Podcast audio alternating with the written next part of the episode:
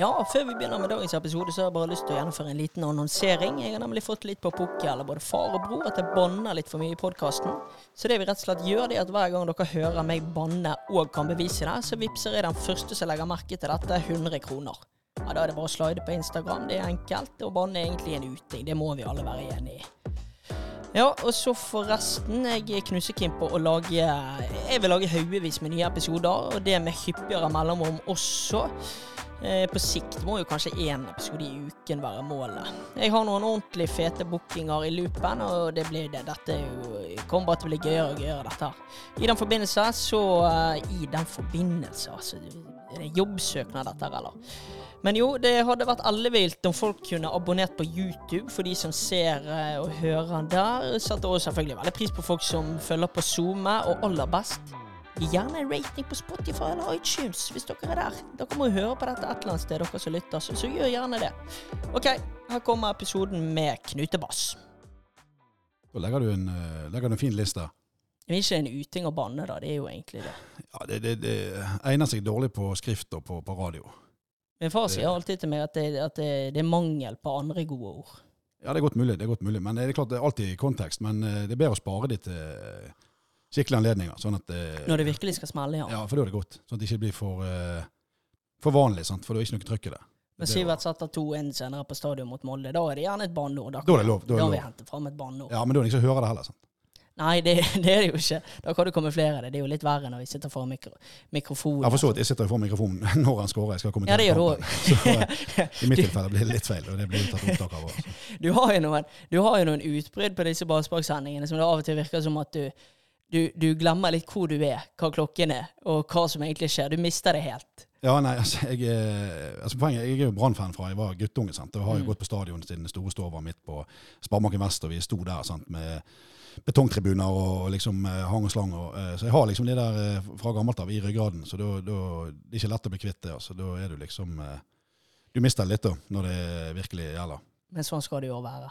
Ja, jeg, jeg, jeg, eh, jeg elsker det. Jeg, jeg tenker at det er en av de hovedpoengene med å, å være fotballfan, og, og en av grunnene til at jeg syns at de som ikke på en måte har gitt fotball et forsøk, eller er glad i fotball, de går jo glipp av noe utrolig stort egentlig Mm. i livet. Jeg tenker ikke på særlig spillet, som selvfølgelig jeg elsker overalt på jobb, men, men alt det rundt. altså De følelsesmessige utbruddene, både positive, negative. eh, Samholdet, det der med å kunne være et kollektiv hvor du virkelig får en utblåsning i en eller annen retning, hvor du på en måte backer hverandre. altså det, det er faktisk eh, nesten fra gammelt av en, en slags eh, Før psykologer ble oppfunnet og, og det ble vanlig, så, så tenker jeg at det er en måte for folk å kunne få eh, utløp for det. Altså, hva slags andre sammenhenger er det på en måte menn som gjerne er introverte, eller sånn, går og klemmer og gråter og, og holder på? sånn? Det, det må jo være alkohol, da, som er neste Som er det andre. Jo da, for så vidt. Og det, det, det kan jo fint kombineres, disse tingene her, så det er ikke noe Ja, problem. sånn, ja. Ja, men det, det, er noe, altså, det er noe vakkert med det. da. Altså Når du er på vilt, vilt, ja. altså, vilt fremmede mennesker, du, du klemmer dem og, og, og, og, kysser dem på kinnet og hiver dem rundt dem. og Det, det, er som, det er en felles opplevelse. Du, du kan oppleve noe sammen. og Det er helt sterkt, og det er på en måte umiddelbar connection med andre mennesker. og Det, det, er, det er rett og slett eh, enormt. Så de som ikke har det i livet sitt, og overhodet ikke interesserer seg for dette her, eller for annen type sport, eller for den type ting, de, de, de mener jeg går glipp av noe virkelig stort. Glede, glede, glede. Strømmer innenifra. Glede, glede, glede. Strømmer innenifra. Ekte fotballglede Ja, den er, den er veldig fin. Den er, har et ambivalent forhold til den sangen, det må jeg trygt si. Men, men budskapet igjen er jo utrolig fint, og det er lett å la seg eh, rive med.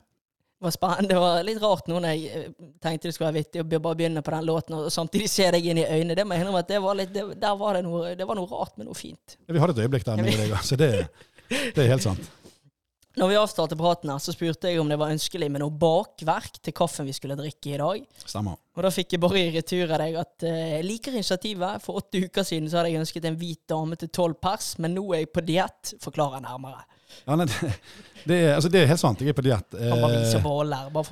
Ja, jeg vet det. Det er ganske, ganske slemt. eh, For jeg, er, altså, jeg er ekstremt eh, bolloman. Altså, jeg har en, en bror, blant annet, eh, og en svigermor som baker noen helt sinnssykt eh, gode skillingsboller. Det, det er helt oppe og nikker hvor jeg er i på en måte drømmeverden. Sånn at det å Etter at jeg til og med sier at jeg ikke vil ha, så stiller du med det, og du bare frister med det og holder det foran. Og, og disse luktene og disse nyansene og disse fargene og, og måten de er stekt på dette her, det er rett og slett helt eh, forferdelig for en, eh, en julegris som meg.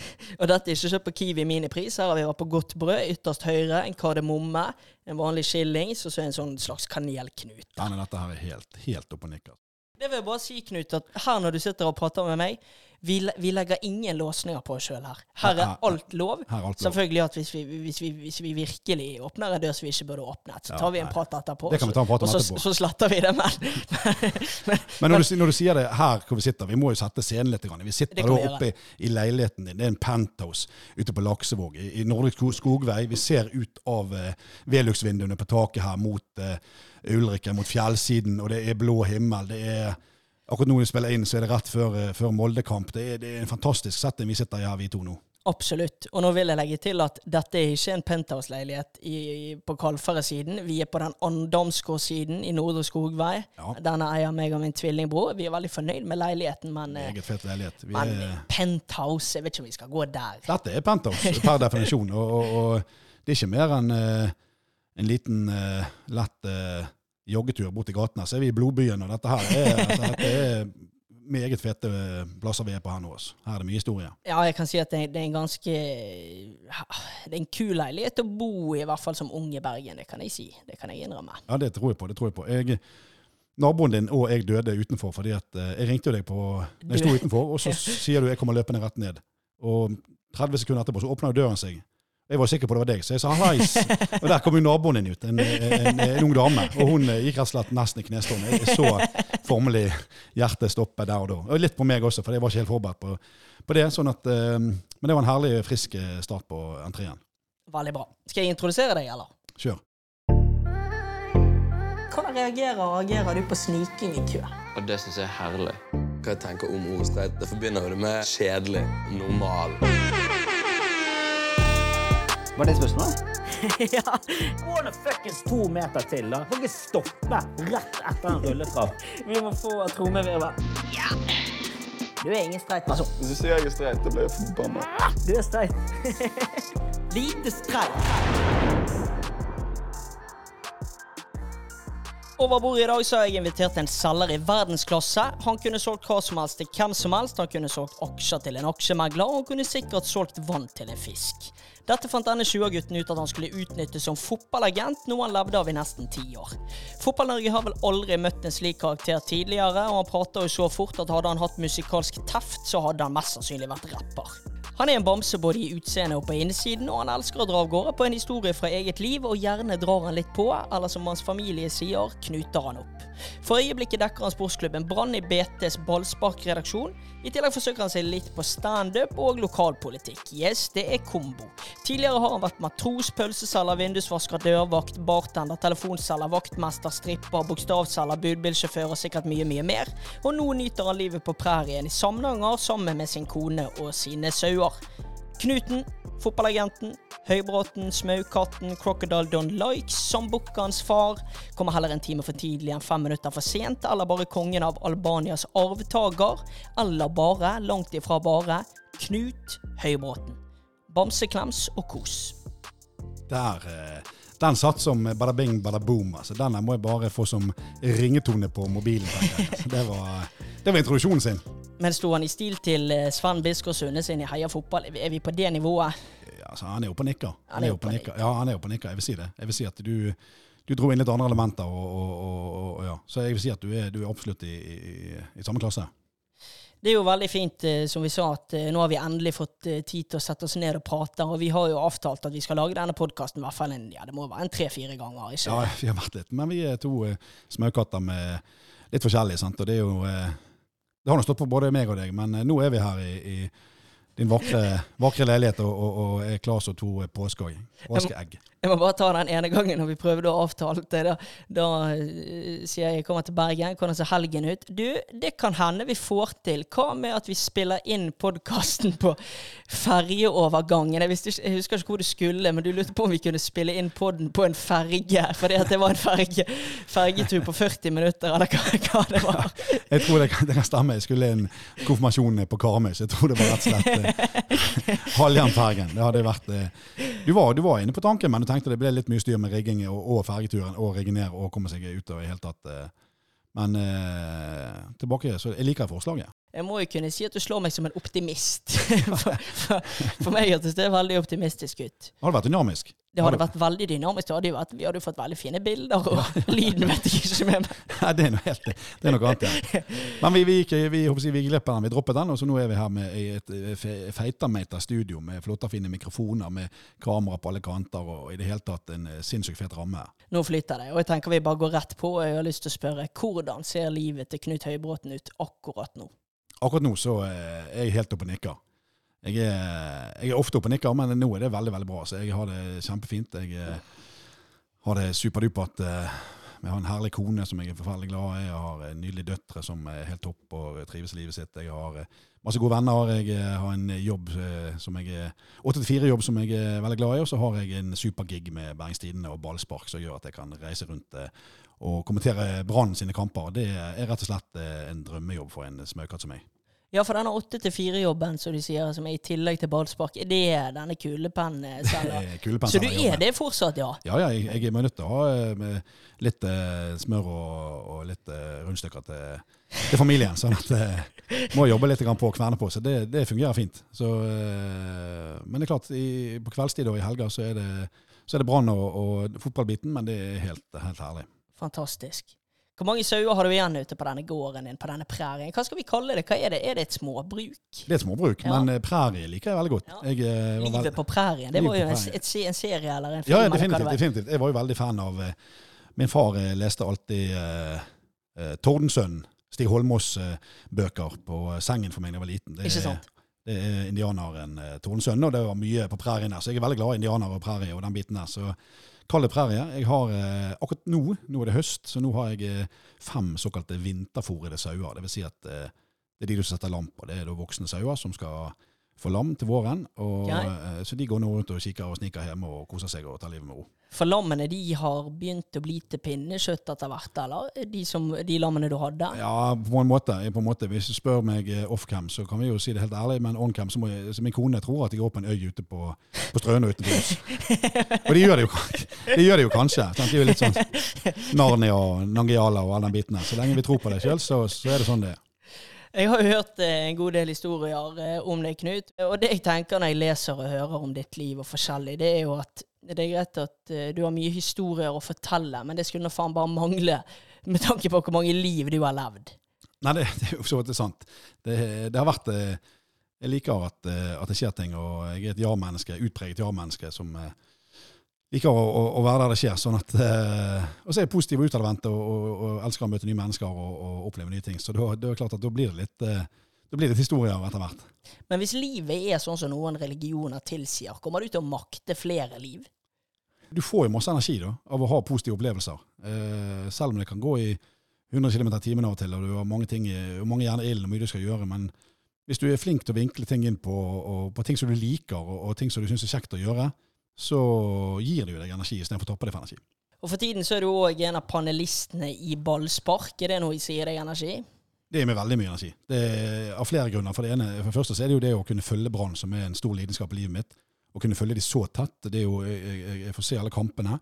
Jeg får eh, være tett på spillerne, tett på laget. Mm. eh, altså behind the scenes og kunne på en måte få et uh, total innblikk i, i, i prosessen rundt. Og, og det er kjempegivende og kjempegøy. Og så de menneskene som jeg, eh, jeg jobber med i ballspark, eh, Mats og Anders og Åsmund og Renate og Jannika og eh, Arve og hele den gjengen der, det er utrolig, utrolig fete folk som vi har, eh, vi har, kjempe, vi har det kjempefint sammen. Det er et utrolig bra arbeidsmiljø. Er Anders så sur som jeg tror at han er? Ja, det skal jeg fortelle deg. Det, det, en, Jeg har alltid tenkt at Anders Parma er en sur fyr som alltid står opp med feil fot, men det tror jeg ikke stemmer. Jeg er nesten eh, jeg på si, utrolig glad for at du spør, faktisk. Ja. For det har jeg lyst til å svare på. Det er, altså Anders Parma, for, for å si hvem vi snakker om her, det er da kommentatoren i eh, Bergens Tidende. Fotballkommentatoren i Bergens Tidende. Han har jobbet der i altså han har jobbet med Brann i 25 år, og er, er den fremste på, på Brann på journalistsiden i Norge, ja, uten tvil. Uh, han er moderne tids eh, Davy Vatne, kan du si. Ja, det kan Ja, altså, altså, Ja, ja, det kan sånn, du si. ja, ikke, de er ikke like som personer i det hele tatt, men, men, men han er liksom den som er eh, hovedpersonen når det gjelder Brann. Det er mange som tror at han kan være litt streng, litt eh, sur eller sånne ting. Det som er, er at det er totalt feil. Eh, Anders, for det første så er han utrolig morsom. Altså Han har sinnssykt fet humor. Eh, han har en vanvittig sjølironi og, og hiver seg sjøl under bussen stadig vekk. Og er helt enorm på, på parodier. Han går og synger og traller og koser seg og er kjempefin. Og så er han et uh, utrolig følelsesmenneske. eh, empatisk. Og, Det føles Du har ikke sett han grine, hva? Nei. Nei. Eh, altså han, han, er, han er veldig flink til å se andre mennesker. Han er veldig oppmerksom på folk. Han eh, spør om du har det bra. Han er liksom en eh, han er en utrolig fin fyr. Altså han er rett og slett en, eh, Jeg vet ikke om jeg ødelegger imaget hans nå, hvis han har lyst til å bygge opp en form for image, men han er faktisk en utrolig eh, fin type. Veldig varm, eh, veldig ålreit. Ja, så tror jeg det kom litt mer til meg nå når jeg har hørt på podkasten Ballspark, at han, er, han virker som en ganske lun og fin fyr, egentlig. Men før i tiden var vel det kanskje det jeg tenkte, at han virker så sur hele tiden. Ja, altså det, som, det som er at han, han har jo en rolle. Det, det har jeg lært etter hvert nå når jeg er i, i, i en del av BT-redaksjonen. er jo at Du har det som heter journalister. Jeg har jo trodd at på en måte journalister er bare journalister det samme, og de på en Mm. måte bare skriver. Men du har, du, journalister skal jo på en måte ikke mene noen ting. De skal, de skal på en måte referere fra det som skjer, og, og skrive saker. Mens, mens Anders er jo en kommentator, så han skal jo mene noen ting om, om, om Brann. Øh, om det som skjer rundt klubben. Og, og eh, for å på en måte ha integritet, så må han jo mene det han mener, og skrive det han mener. Og, og innimellom så er det positivt, og veldig veldig positivt. Eh, Andre ganger kan det være veldig negativt hvis han mener det er riktig, eller strengt, eller hardt, eller hva det måtte være. Eh, og det, det skaper jo ofte engasjement. Da. Det skaper Mm. engasjement både blant de som eh, kanskje får passe påskrevet, eller blant eh, fansen som kan være uenig med han. Og det skaper en dynamikk og en god, en, en god synergi og debatt rundt dette her i hele greiene. Sant? Og da, han, han, han tør å stå i det. Han har, han har sterke meninger og står i det, og, og det respekterer jeg veldig for. Kan jeg spørre deg, Knut, om du har roet deg? Ja, altså, ja, hva det vil si i, i, i hvilken grad, tenker du?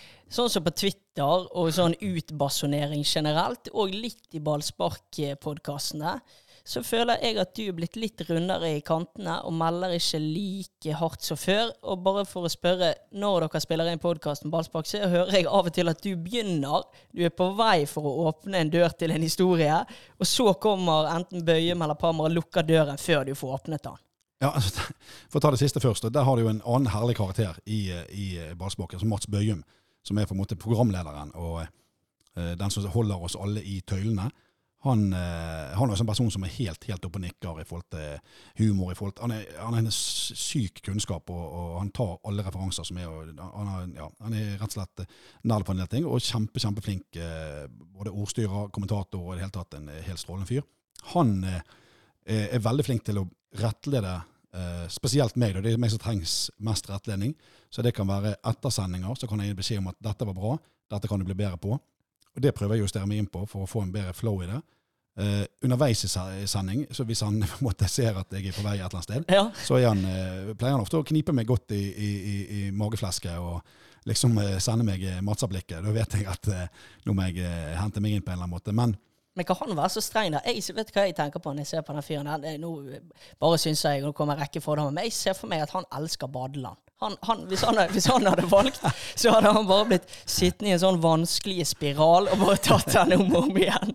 ja, nei, altså det, det er en av de tingene som du har helt rett i. Altså, det kunne han lett gjort. Mange ting eh, Bøyum kunne gjort, men det er også en av de tingene.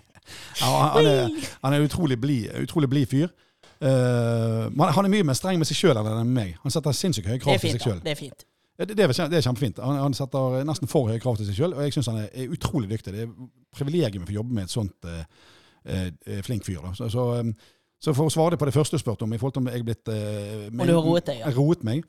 Jeg eh, har vel mer eh, kommet meg inn i formatet, men, men jeg, jeg er meg sjøl. Jeg slipper meg løs. og eh, og det er jo klart at Når du er i et sånt medie sånn som vi er med, med, med fra Bergens Tidende, så må jo eh, man må, altså, redaksjonen man har ikke alt egner seg, nei. man har et redaksjonalt ansvar. så det er klart at Hvis jeg innimellom hvis jeg drar på med en historie som går i en eller annen retning som kanskje ikke nødvendigvis er 100 pro, så, eh, så har vi jo flinke lydfolk som Henrik og Arve som kanskje går inn og legger noe pip på, eller bare klipper vekk hele seansen. Sant? Så Det er ikke alltid som egner seg, så jeg prøver å være på det. Men, men, men der, jeg, eh, der jeg føler, og som jeg syns er veldig viktig for meg å være meg sjøl, det er jo i i, eh, spesielt når vi er på stadion eller på bortekamper i sending både før og, Ja, ja, ja. og ikke minst etter når vi er mixed zone. Og det å kunne være Komme litt med den fansbiten og kunne være litt uh, prate med spillerne, uh, by på meg sjøl, og, og få gjerne de til å by litt på seg sjøl på en annen måte enn i et vanlig intervju. Det, det trives jeg veldig godt med. Jeg, jeg, jeg, kan- jeg altså for å si det sånn, jeg klarer ikke være noe annet enn meg sjøl.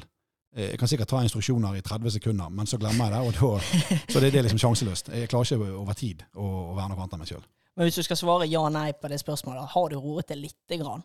På sånn Twitter og ytringer og sånn utenfor ballsparkredaksjonen? Altså, Twitter har jeg jo hatt uh, mange ganger hvor jeg har vært sinnssykt ute og, og, og, og meldt og, og gøy og alt mulig sånt. Og jeg, jeg, er jo, altså, jeg er jo avhengig av likes på alle sosiale medier. sant? Jeg er jo helt, altså, det er jo, Crocodile don't like, som ja, jeg kalte deg. Crocodile Don't Likes. Det er et nydelig, nydelig tilnavn. Så jeg, jeg gjør hva som helst for likes. sant? Uansett pokker. Så jeg tenker sånn, ok, dette her er en bra tweet, her får jeg likes. Slenger den ut, ser at det går fem-ti minutter, holder på steingrunn, sletter driten. sant? Prøver på nytt, febrilsk, sant? helt despo etter å få likes, og så bare merker jeg at her er du helt ute og sykler. Sånn. Så det er et 90% av alle tweetene jeg legger ut, de blir jo slettet fordi det, det er jo bare pinlig innhold i det. sant? Det er jo ingen som liker det. og jeg, jeg, jeg tenker selv at dette er jo kanonbra, men innimellom treffer jeg, og da er det gøy. Eh, roet seg Ja, altså, nei, ja, ja jo, altså det, der jeg er sterk, eh, hvis du kan kalle det det, eller der jeg er ute og sykler, er jo hvis jeg sitter og, og tar meg en, eh, en god eh, aften med noe godt i glasset. Yes. Og, for da kan du tenke deg sjøl at da, ganges det jo med tid, denne lysten på likes og, og, og galskapen. Og da kan det komme tweets som eh, verken tåler dagslys eller eh, kveldsmørke. Så det, det som er veldig fint, er når du begynner å komme opp i alderen, jeg er 46, og det at du gjerne da må opp og pisse om natten sånn i, i femdraget hvis du har vært på en eh, god kule. Ja. Og da pleier jeg alltid å sjekke Twitter. Hvordan, hvordan kveldstweeten gikk. Ja, da er det greit å sjekke Twitter og så bare se gjennom. og så bare... For da, da er du fremdeles litt brisen, så du kjenner ikke helt på den skammen. Så du har ikke helt skammen ennå. Så. Men det har jo hendt, at jeg ikke har hatt den uh, pissingen og våkner eh, godt utpå formiddagen. Og den, Oh. den kan være litt lei når du begynner å se de tweetene i dagslys. Så men det er kjekt.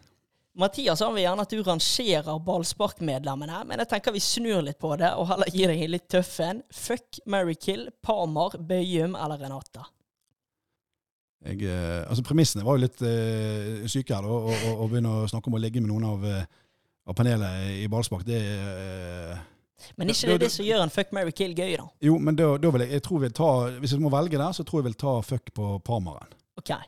Uh, og det er rett og slett fordi at han er så kjærlig, eh, og så øm og så god, Mm. at det kunne vært eh, en flott eh, At det kunne blitt elsking istedenfor eh... Ja, det kunne blitt en sånn god en. Altså, vi, vi, jeg kan tenke meg en sånn morgen, formiddag etter en sånn hard tweet, eh, tweetnatt, hvor jeg trenger liksom å komme meg til hektene igjen og har hatt det litt tøft og, og kjenner litt på skammen og føler meg litt sånn eh, Angsten stiger og alene i verden. Da, da tror jeg det er utrolig godt å ligge i storeskei med Anders Parmar og på en måte bare, bare la han eh, stryke, stryke deg lett på, på ryggen. Så, så den, den tror jeg er ganske rein. Ja, det tror jeg òg. Og så har han en helt ubegripelig flott sangstemme, og det er helt uten ironi. Ja, men det har han. Så han Hvordan, kan, hvordan skulle den blitt utnyttet i, altså, i den anledningen? nei, jeg har vært bortpå mye rart i mitt liv når det kommer til det området der, men, men akkurat en som synger til meg mens, eh, mens vi eh, elsker, så det, det har ikke jeg opplevd, så vidt jeg kan huske, sånn i forbifarten. Så, så det å Hvis jeg først skal gå over i det tog, toglinjesporet og, og, og, og kjøre Parmaren der, så kan det jo være fint å bare gå all in og så la han få synge Nessun Dorma på eh, lav, eh, lav bassrøst eh, mens, det- mens det pågår. Så det, det er nå det ene. Eh, kill, ja. Hva i helvete? Det, det er jo helt uh, Den er jo tøff. Den kommer ikke du godt ut av på noen som helst måte.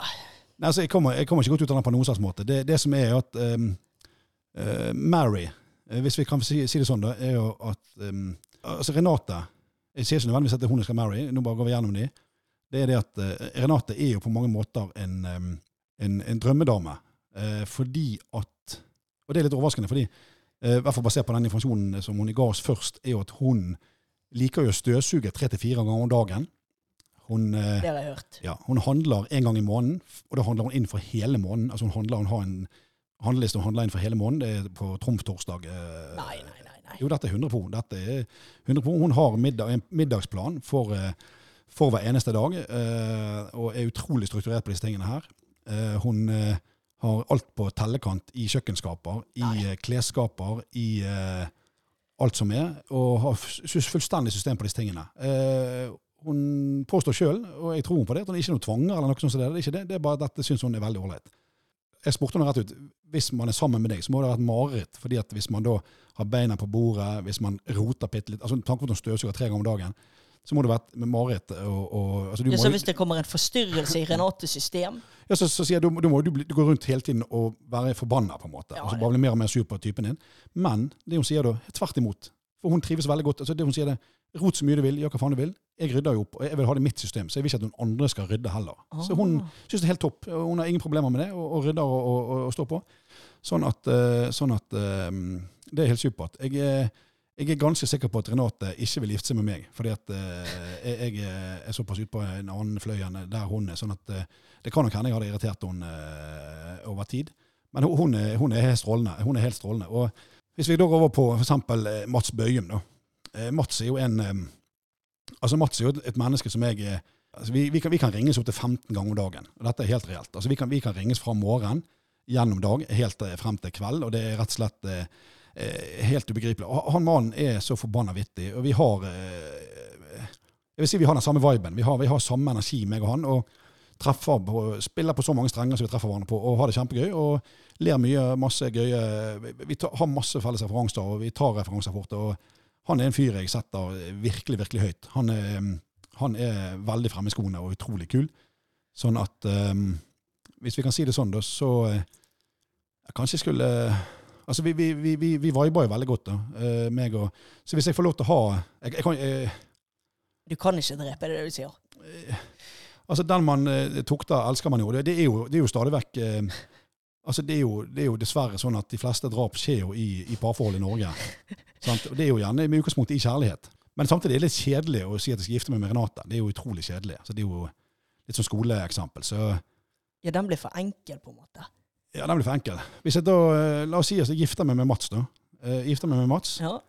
Eh, men jeg tror heller det. Jeg vil mye, nå, nå tenker jeg på det, gått litt i dybden på det, så vil jeg mye heller da ha sex med Parmar enn Mats. Altså meg og, meg og Mats, vi, vi kan ha alt det. Så hvis, hvis han da godtar at jeg har Parmaren som eh, elskerinne, og til der går eh, hver fredag etter tacoen, så, eh, så tar vi livet av eh, Renaten. Og det gjør jeg med tungt hjerte, men, eh, men eh, Renaten er yngst av oss, men hun har samtidig levd et godt liv. Hun, hun er jo, i mine øyne, en meget stor fotballtrener og leverer jo vanvittige resultater med små ressurser i Sotra. Og ligger helt oppe og nikker og er forbi på tabellen mange storklubber i, i Norge som ligger i den andredivisjonsbølgen hun er i. Og, Gjør det og- godt. ja, gjør det veldig bra. Hun er kjempe, og, og hun håper virkelig eh, kommer seg til eh, en Obos-ligaklubb snart, så hun får testet eh, seg ut der. Og, og det tror jeg kommer til å gå veldig bra. Og jeg håper det skjer før vi må ta livet av henne. Fantastisk. Skal vi skru tiden litt tilbake? Skru den hvor du vil. Har du Hvis vi bare et lite øyeblikk om du har bare to sekunder. Skal vi se. Bare, Det var ikke lange Jeg håper ikke lyden er for høyt i headsetet ditt nå, men skal vi se. Skal vi bare skru, og så skrur vi litt. Grann. Yes, Knut! da er vi tilbake. her. Vi er inne fra det glade 80-tall. Knut, jeg vet ikke altfor mye om din oppvekst og hvor du er født og sånn i Bergen, men det jeg vil vite, jeg vil vite hvor eh, fikk du ditt første kyss? Hvor drakk du din første halvliter? Hvordan var ungdomstiden? Knut, ta oss med. Helsike, for en, eh, for en fet uh, jingle, heter det. Jingle. Ja, dette her er vel bare et jeg kaller man det på fagspråket, et teppe. Altså en låt som bare går og groover litt i bakgrunnen her. Ja, ja, ja, nettopp, nettopp. Ok. Uh, jeg, jo, jeg kan jo se uh, oppveksten min fra vinduet hvis jeg bare reiser meg opp. Jeg er, jeg er født og oppvokst eh, bak katedralskolen oppe i eh, Kappesvei. Og eh, fjellsmuget og oppe med demningen, oppe med Svartediket, bodde med mor rett ved siden av der, og oppe på Årstad. og Det er der jeg har eh, bodd eh, si, hele oppveksten. og Min far bodde i byen, og min eh, mor bodde der oppe. Gikk på eh, Ulriken skole før han ble stengt ned, og, og eh, hatt en uh, sinnssykt fet uh, oppvekst med en kameratgjeng på eh, 12-14 stykker som eh, Og vi har, den, vi har god kontakt den dag i dag og har mye med hverandre å gjøre, ofte på ting sammen. og Ja, det er sjelden, Ja, det er, det er faktisk veldig sjelden. Og det har jeg opplevd i voksen alder når jeg snakker med folk og, og mer og mer, at det, det, det er noe jeg virkelig setter pris på, for det er ikke mange som har. Vi har eh, Fra vi var guttunger, fra vi var 5, 6, 7, 8, 9, 10 år, så har vi holdt, eh, vært tette som tyver helt frem til nå. Og, og Vi har én til to felles store happenings i året hvor vi koser oss. og vi har i forskjellige eh, klikker, så er vi på hytteturer, vi finner på ting. og vi, vi, vi, Det er utrolig kult. og Men det der tror jeg er helt avgjørende for kameratgjenger. At man må finne sånne, man må finne en eller to sånne ting. Det kan være et julebord og en fast Ja. tur igjen. At man har den knaggen, de to knaggene hvert år. Ja, Så har vi en, en legende i gjengen, eh, Andreas Meyer heter han. han. Han er virkelig den som holder lima, altså han er den som holder hele gjengen samlet. og er utrolig flink til å liksom, og det, det er kjempemessig. Og det, det å kunne på en måte ha en sånn eh, kontinuitetsbæring i en venneflokk, det, det setter jeg sinnssykt stor pris på. Så vi har en lang historikk sammen og, og delt veldig mye. Og det, betyr, det betyr mye for meg. Det, er en gjeng som setter utrolig høyt. Og, eh, og, så jeg, jeg er på en måte født og oppvokst og levd eh, størsteparten av livet mitt da, i, i Bergen sentrum og, og på Årstad. Du er en ekte 20-gutt, du. Jeg er en 20-gutt Ja. på, på alle mulige måter. Og første kysset, det, det var eh, en venninne av min mor, tror jeg, på nyttårsaften. Nei. Jo, ja, men det høres ikke Altså, dette er verre enn det. Men det, Det kan jo ha vært et sånt hyggelig kyss. eh, ja, det var det det var. Det var. Det var, det, for, ja, men det var liksom, det var, jeg husker det veldig godt. Det var, jeg var kanskje 11 eller noe sånt. Og det var bare for kos. altså Det var, det var bare hyggelig kyss på nyttårsaften. eh, For min mor hadde noen legendariske fester på hver nyttårsaften. Det var helt konge. Det er sånne stjerneminner da, det fra, fra guttungen. Det, hun hadde en eh, 20 mennesker på langbord i, i, i stuen oppe. Eh, hun bor for så vidt fremdeles der i, en kåk oppe med Svartedikke med, med sånn treetasjes kåk da, med en, en leilighet i hver etasje. Og, og da bodde det en singel mor i hver etasje med en sønn. eh, Med min bror, min bror en del eldre med som flyttet ut eh, etter hvert. Men, så da var vi tre gutter i, i samme alder. En i, var Bersåsen Erlend i kjelleren, det var Martin Frogner i, i toppetasjen, og så var det meg i midten der.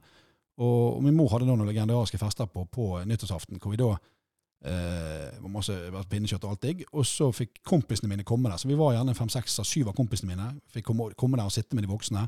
Henge med de. Og, og, og Og da var de eh, De hadde noe godt i glasset, og dere var Hvor gammel var dere? Du sa 11? Ja, vi begynte, vi begynte tidlig. Vi begynte, altså, vi begynte, Nei, du- du- ja, ikke, ikke å drikke nødvendigvis, men vi begynte Nei. tidlig å være med på denne festen. Da, og være med de eh, frem til klokken var 11 gjerne. Så stakk vi da eh, ut i gatene og holdt eh, helsike. Ja, da kjørte dere noe grysehyl på egen hånd og litt kinapytter. ja, altså På den tiden der, så det, det er jo helt ellevilt å tenke på at, at det gikk bra i, ettertid. For det, oppe på Skansen og forskjellige steder og i gatene oppe på, på Årstad og sånn, så, så var det jo helt vanlig at vi hadde Det var forskjellige gjenger. sant? Vi hadde jo eh, klikker og gjenger og, og skjøt på hverandre med flashing tønder og, og raketter. Det var det pinneraketter. Det, det var, det var Pinneraketter, få det tilbake. ja, det ser jeg Åh! Ja, det er helt legende. Det var ikke, det var ikke noe ond, ond, for det var bare gøy. Sant? Vi gikk rundt og hadde kjekt. og husker eh, en veldig god kompis av meg, Geiren, gikk med ja, Han gikk alltid med sånn svær sekk på ryggen med alt oppi. Han hadde liksom våpenlager, så vi gikk og bare løp opp i sekken. og så var det ene gangen da det var en som fyrte, Franken fyrte vel opp en rakett, og så glemte han, så hev han den opp i sekken igjen. Og der løp den stakkars Geiren med sekken på ryggen. Så ut som en tegnefilm, det var faktisk helt legendetilstanden. Nei, så så det, det var utrolig. Og det holdt vi på i mange år. Mange mange år holdt vi på der oppe på Smutteren og hadde liksom fast eh, eh, nesten til voksen alder at vi var på den eh, Ja. middagen før vi gikk videre på fest. Og, og den dag i dag, eh, sånn som nå for eksempel eh, i det andre 2. desember vi setter Marius Mink på, på, på julebord, så sitter eh, en god gjeng av oss andre kompisene oppe hos min mor først. Og har forspill sammen med min mor. Fordi at de digger henne. De digger det. Det, det, det er jo noe med altså, Selv om vi er voksne mennesker og tøffe karer, så det er barndomsminner og sånn. Det er digg. sant? Og det å, å ha. Så det, det er veldig kjekt. altså. Bare for å spørre først, har du alltid hatt skilte foreldre? Ja, fra jeg var fire. Fra du var fire, ja. Ja. For i en alder av 16 eller hva det er, så får du beskjed av din mor at nå er det på tide å flytte på seg. Nå er det på tide å reise, og du fikk beskjed om å pakke sekken og reise til din far som da bodde i Albania. Ja, altså, det var, det var vel mer det at eh, jeg hadde begynt på, um, begynt på Tangs videregående. Jeg sier ikke det at hun kastet deg ut, men Nei, nei. du Jeg begynte på Tangs videregående etter Ulriken. Og, og, og nede der, sant, og, og kompiser, vi koste oss. Og den skolen ligger jo midt i byen, sant, rett bak politistasjonen. og Det var jo helt perfekt. Sant. Vi, og jeg skulket jo som mann med ljåen. sant, og var jo en, en glad fugl. sant. Du gadd ikke skole, du likte ikke å Nei, altså, jo, jeg likte, jeg likte viben på skolen, og alt, men, men eh, jeg syns skole var veldig kjedelig. Eh, Selv om jeg har vært veldig flink på skole og fått gode karakterer, og sånn, og jeg giddet å ta tak i det, men da ga jeg litt faen. Eh, og da kommer jeg tilbake til spørsmål to. Jeg vet ikke om du hadde spørsmål om første kyss, første Ja, hva var det første pils, kanskje? ja, ok, nei, ok, jeg, tenkte på første ligget, da, men første, nei, det, det, det Nei, ok, men nei, det, var, det var en Jeg åpnet ikke den, men Nei, men ok, men jeg kan bare ta den kjapt, siden du ikke spurte om det. Men det var en skjønnhet fra, fra Åsane som jeg eh, gikk i klasse med, så den eh, så jeg røk på da eh, på Tangs. Og det, det var helt topp. sant? Så da, da, Jeg levde jo livets glade dager og hadde det helt topp. sant? Og spilte eh, Gikk på El Tordos, eh, som var en sånn spillebule, sant? hvor du kunne spille på spillemaskiner. og... Har vi det i Bergen fortsatt, sånn der eh, flipperspill og greier? Nei, Det vet jeg ikke, men, men El Tordos, El, El Tordos var i Nygård- Nygårdsgaten var jo en legendeplass hvor vi var og, da- og spilte mye. To etasjer. Du hadde biljard, du hadde alle mulige spillemaskiner, du hadde flipperspill og alt dette. var superfett. Eh, Så poenget var vel at eh, karakterene gikk meget dårlig, og jeg fikk jo sikkert brev og greier hjem. At, eh, så mutter'n tenkte at her dette, dette er ikke noe poeng. Altså At han går her og, og driver dank, er jo helt meningsløst. Så det var da hun sa, altså ringte min far, da, som nettopp hadde dratt til Albania for å starte opp et, et fergeselskap som skulle gå Ja. med hurtigbåter mellom Albania og Italia. Uh, og sa at kanskje du får Knuten ned der og få litt uh, kikk på han. stram han opp litt. Grann, sant? Ikke noe sånn uh, Gjert Ingebrigtsen-oppstramming, men uh, Oh. ja, sant. Men uh, ja. Så det kunne jeg ikke sagt på Bengt Stine på sant? Da hadde han blitt klippet, klippet rett vekk. Så det er jo et eksempel på det. Men nei, ikke sånn, men strammer han opp litt, grann, få han til å, være med på hugget. ja. Uh, sånn at da reiste jeg ned dit. Og det som, var, det som var grunnen til at jeg sa det med hun skjønnheten fra Åsane, var jo at det gjorde den enda mer blytung når jeg fikk den beskjeden. For Reiste du fra en kjærlighet der? jeg, ikke bare kjærligheten, men den første du på en måte har vært og, og bortpå. Det er jo klart at det, det er jo helt euforisk for en, en guttevalp sant? på, på, på 15-16 der. Sant? Så på en måte har opplevd dette her og, og, og vil ha mer. Og, og måtte da reise. Og denne gangen, her, den gangen der så var det litt tungvint å komme seg til Albania, Tirana, så jeg måtte da fly eh, først til Roma via noen greier. Ok. Og der måtte jeg da ta inn på et sånt kattepensjonat, eh, finne det og, og, og eh, overnatte. Dette var jo, dette var jo 93, sånn, så det var jo null mobiltelefoner. Det var null niks, så det var, det var en helt annen måte å reise på. Du måtte være mye mer oppe og nikke når det gjaldt å finne ting, og papirkart og, og det å spørre seg rundt og finne fram. Og, og eh, husker jeg kom der da på en, eh, et kantpensjonat med en sånn skikkelig god gammeldags sånn uh, hostellseng, sant, og, lå der og klarte til slutt å finne telefonen et eller sted. jeg kunne, jeg, jeg måtte overnatte der for å ta tog da, til Syditalia dagen etterpå. Ja. Og selvfølgelig når jeg forlot denne skjønnheten, så var jo det bare velstand, og hun skulle vente på meg til jeg kom hjem, og alt i orden. Dette her var jo da to dager senere, det var en lørdag da jeg skulle sove i, Roma, og ringer hjem eh, er en kompis, Franken, og fikk da beskjed om at en annen kompis av meg, som ikke sikker han het, men han vet hvem han er, han hadde da røket på henne samme kveld. Sant? Så dette, okay. så da, og det er jo fair play. eh, Det er jo, det er jo, er det ikke fair play i det hele tatt, men, men, men det er jo sånn livet faller seg. Sånn er livet, ja. Sånn er livet. Og så da lå jeg da med, med både kjærlighetssorg, med liksom å bli eh, dratt vekk fra guttegjengen og kosen og moroen her hjemme. Skulle ned til eh, bekmørkte Albania, som nettopp var åpnet for kommunismen, og, og jobbe hardt som eh, matros og motormann om bord på båtene til min far. Eh, sånn at det var en tung, tung reise første omgang der, og det, det, det ga meg en livslærdom som jeg helt Må jo ha blitt tidlig voksen. veldig tidlig voksen. Jeg hadde masse opplevelser i Albania som var både ekstremt givende, ting som jeg selvfølgelig gjerne skulle vært foruten, som var litt for voksne, men samtidig som har formet meg og vært god å ha med. Eh, Det året cirka jeg var der nede, var helt fantastisk. Altså, det, Mm. det var helt utrolig. og jeg er blitt i ettertid er jeg veldig veldig glad i landet. Spesielt folkene. Albanere er utrolig hyggelige mennesker. Veldig imøtekommende. Et fantastisk eh, land, rett og slett. Og, og det året der det er så spekket med opplevelser at eh, ja, det, jeg vet ikke hvor man skal begynne, nesten, skal man snakke om det. Kan jeg spørre deg om disse opplevelsene du nevner som du gjerne skulle vært foruten? Hva det er for noe? Ja, altså nei, det, det, var klart at det var jo, det var jo det var tøffe tider der. Eh, Det var nettopp åpnet for kommunismen. Det, Mm. eh, Fatter'n sine båter var de første, altså det var første utenlandske verftsdåen i Albania. Eh, Det gikk noen gamle vrak av noen båter som gikk og tutlet rundt der, som eh, på si, ventet på å se havets bunn. Eh, Fatter'n hadde jo nymoderne, eh, hurtiggående båter som bygget i Norge og topp kvalitet, som gikk i 40 knop sant, mellom eh, mellom eh, Albania og Italia. Eh, tok 300-400 passasjerer. Og på den tiden der så var det veldig veldig mange albanere som hadde flyktet da, eh, for mange mange år siden Mm. eh, ut av kommunistregimet og bodde i mange steder i utlandet, flere millioner. Og de begynte nå å komme tilbake til Albania. Ja. Sånn at eh, på turene vi hadde da fra Albania om morgenen, det var alltid, begynte på jobb med sånn 15 om morgenen, og ja, det var, det var et tak ned der, og, og det var stort sett alltid fulle båter, og masse, masse mennesker på kaiene. Eh, jeg, jeg hadde, en av oppgavene mine var å bære om bord av bagasjen deres. eh, og det- Til alle passasjerene? alle passasjerene. Og, så vi brukte kanskje to-tre timer på liksom å komme oss alt pikkpakk om bord. Og Mm. her, her snakker vi folk har med seg Én ting var når de skulle reise. De med, altså det var ikke sånn uh, håndbagasje på Ryanair der. Snakker vi fire-fem kofferter per snute, liksom. Og alt fra Hele livet med ja, ja, TV-apparater og kjøleskap. Altså det var helt, eh, det var det gale, glade forbanna vanvidd. sant? Og så over der. Og dette var mennesker som, som da ville reise ut av Albania. Og når du da, eh, da kom vi bort til Italia og slapp de av, og så videre. Mm. Og så var det da mange fra Italia som da skulle hjem til Albania for første gang på veldig mange år ofte. Og de hadde jo med seg i hvert fall hele livet sitt. Sant? De hadde jo virkelig pakket. Og, og, og da skjedde det når vi, da, når vi da kom inn om kveldene for Vi, var, vi kom vel til Dur, eh, eh, til Bari i Italia kom vi vel da på eh, sen formiddag, lå noen timer der, og så dro vi tilbake igjen og kom hjem til Durres i Albania om kvelden. Og da kunne det stå opptil 1500 mennesker på kaien og vente liksom hver kveld på oss. Det var jo familiemedlemmer og venner av de som kom. Det kunne være folk som ikke har sett familiemedlemmer på 20-30 år. sant?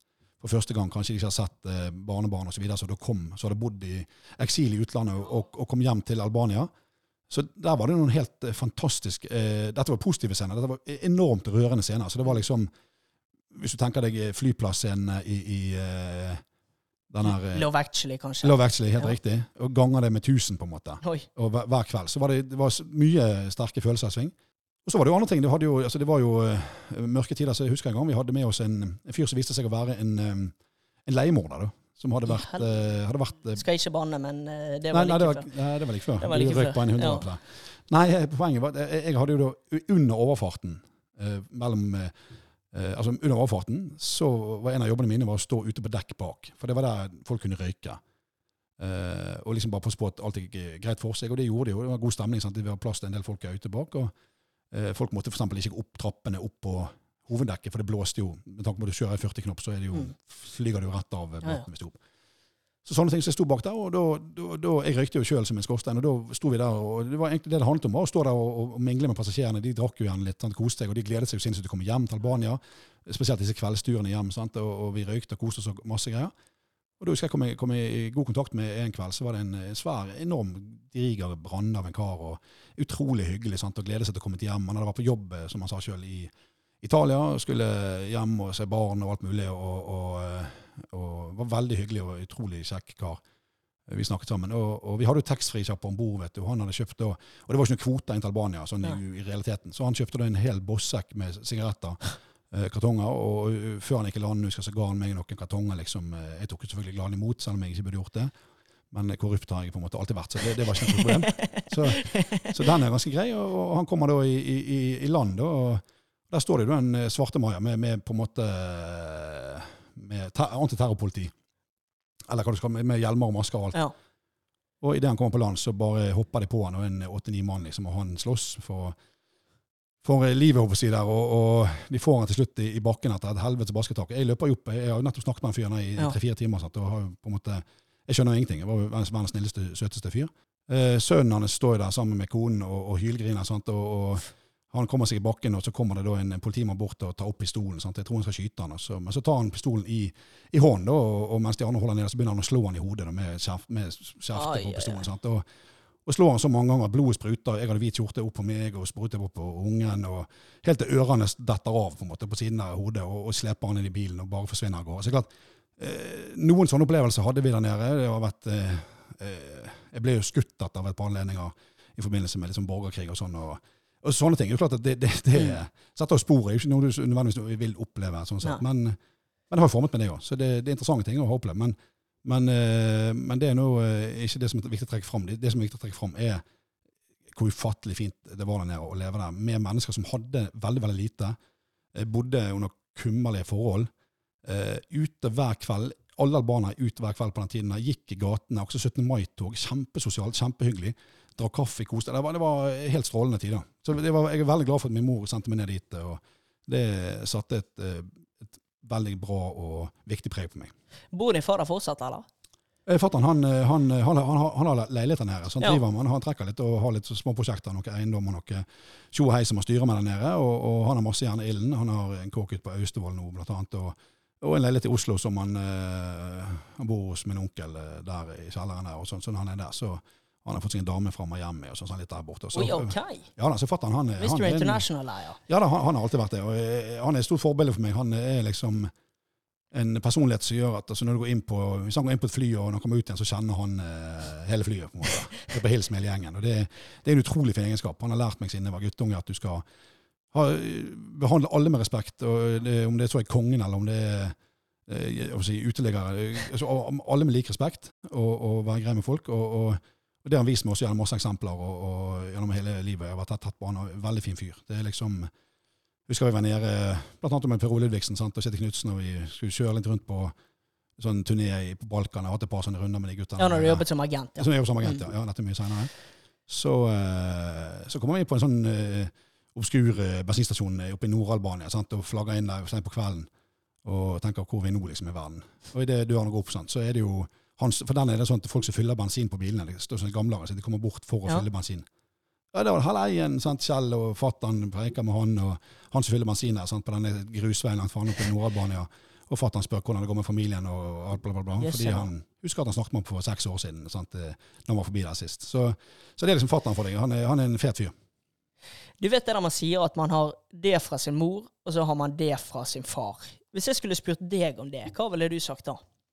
Ja, da er det ganske godt svar. eller ganske, eh, Det har jeg tenkt mye gjennom. Fordi min far har vært eh, sånn både overfor meg og min bror. Alltid at eh, vær åpen.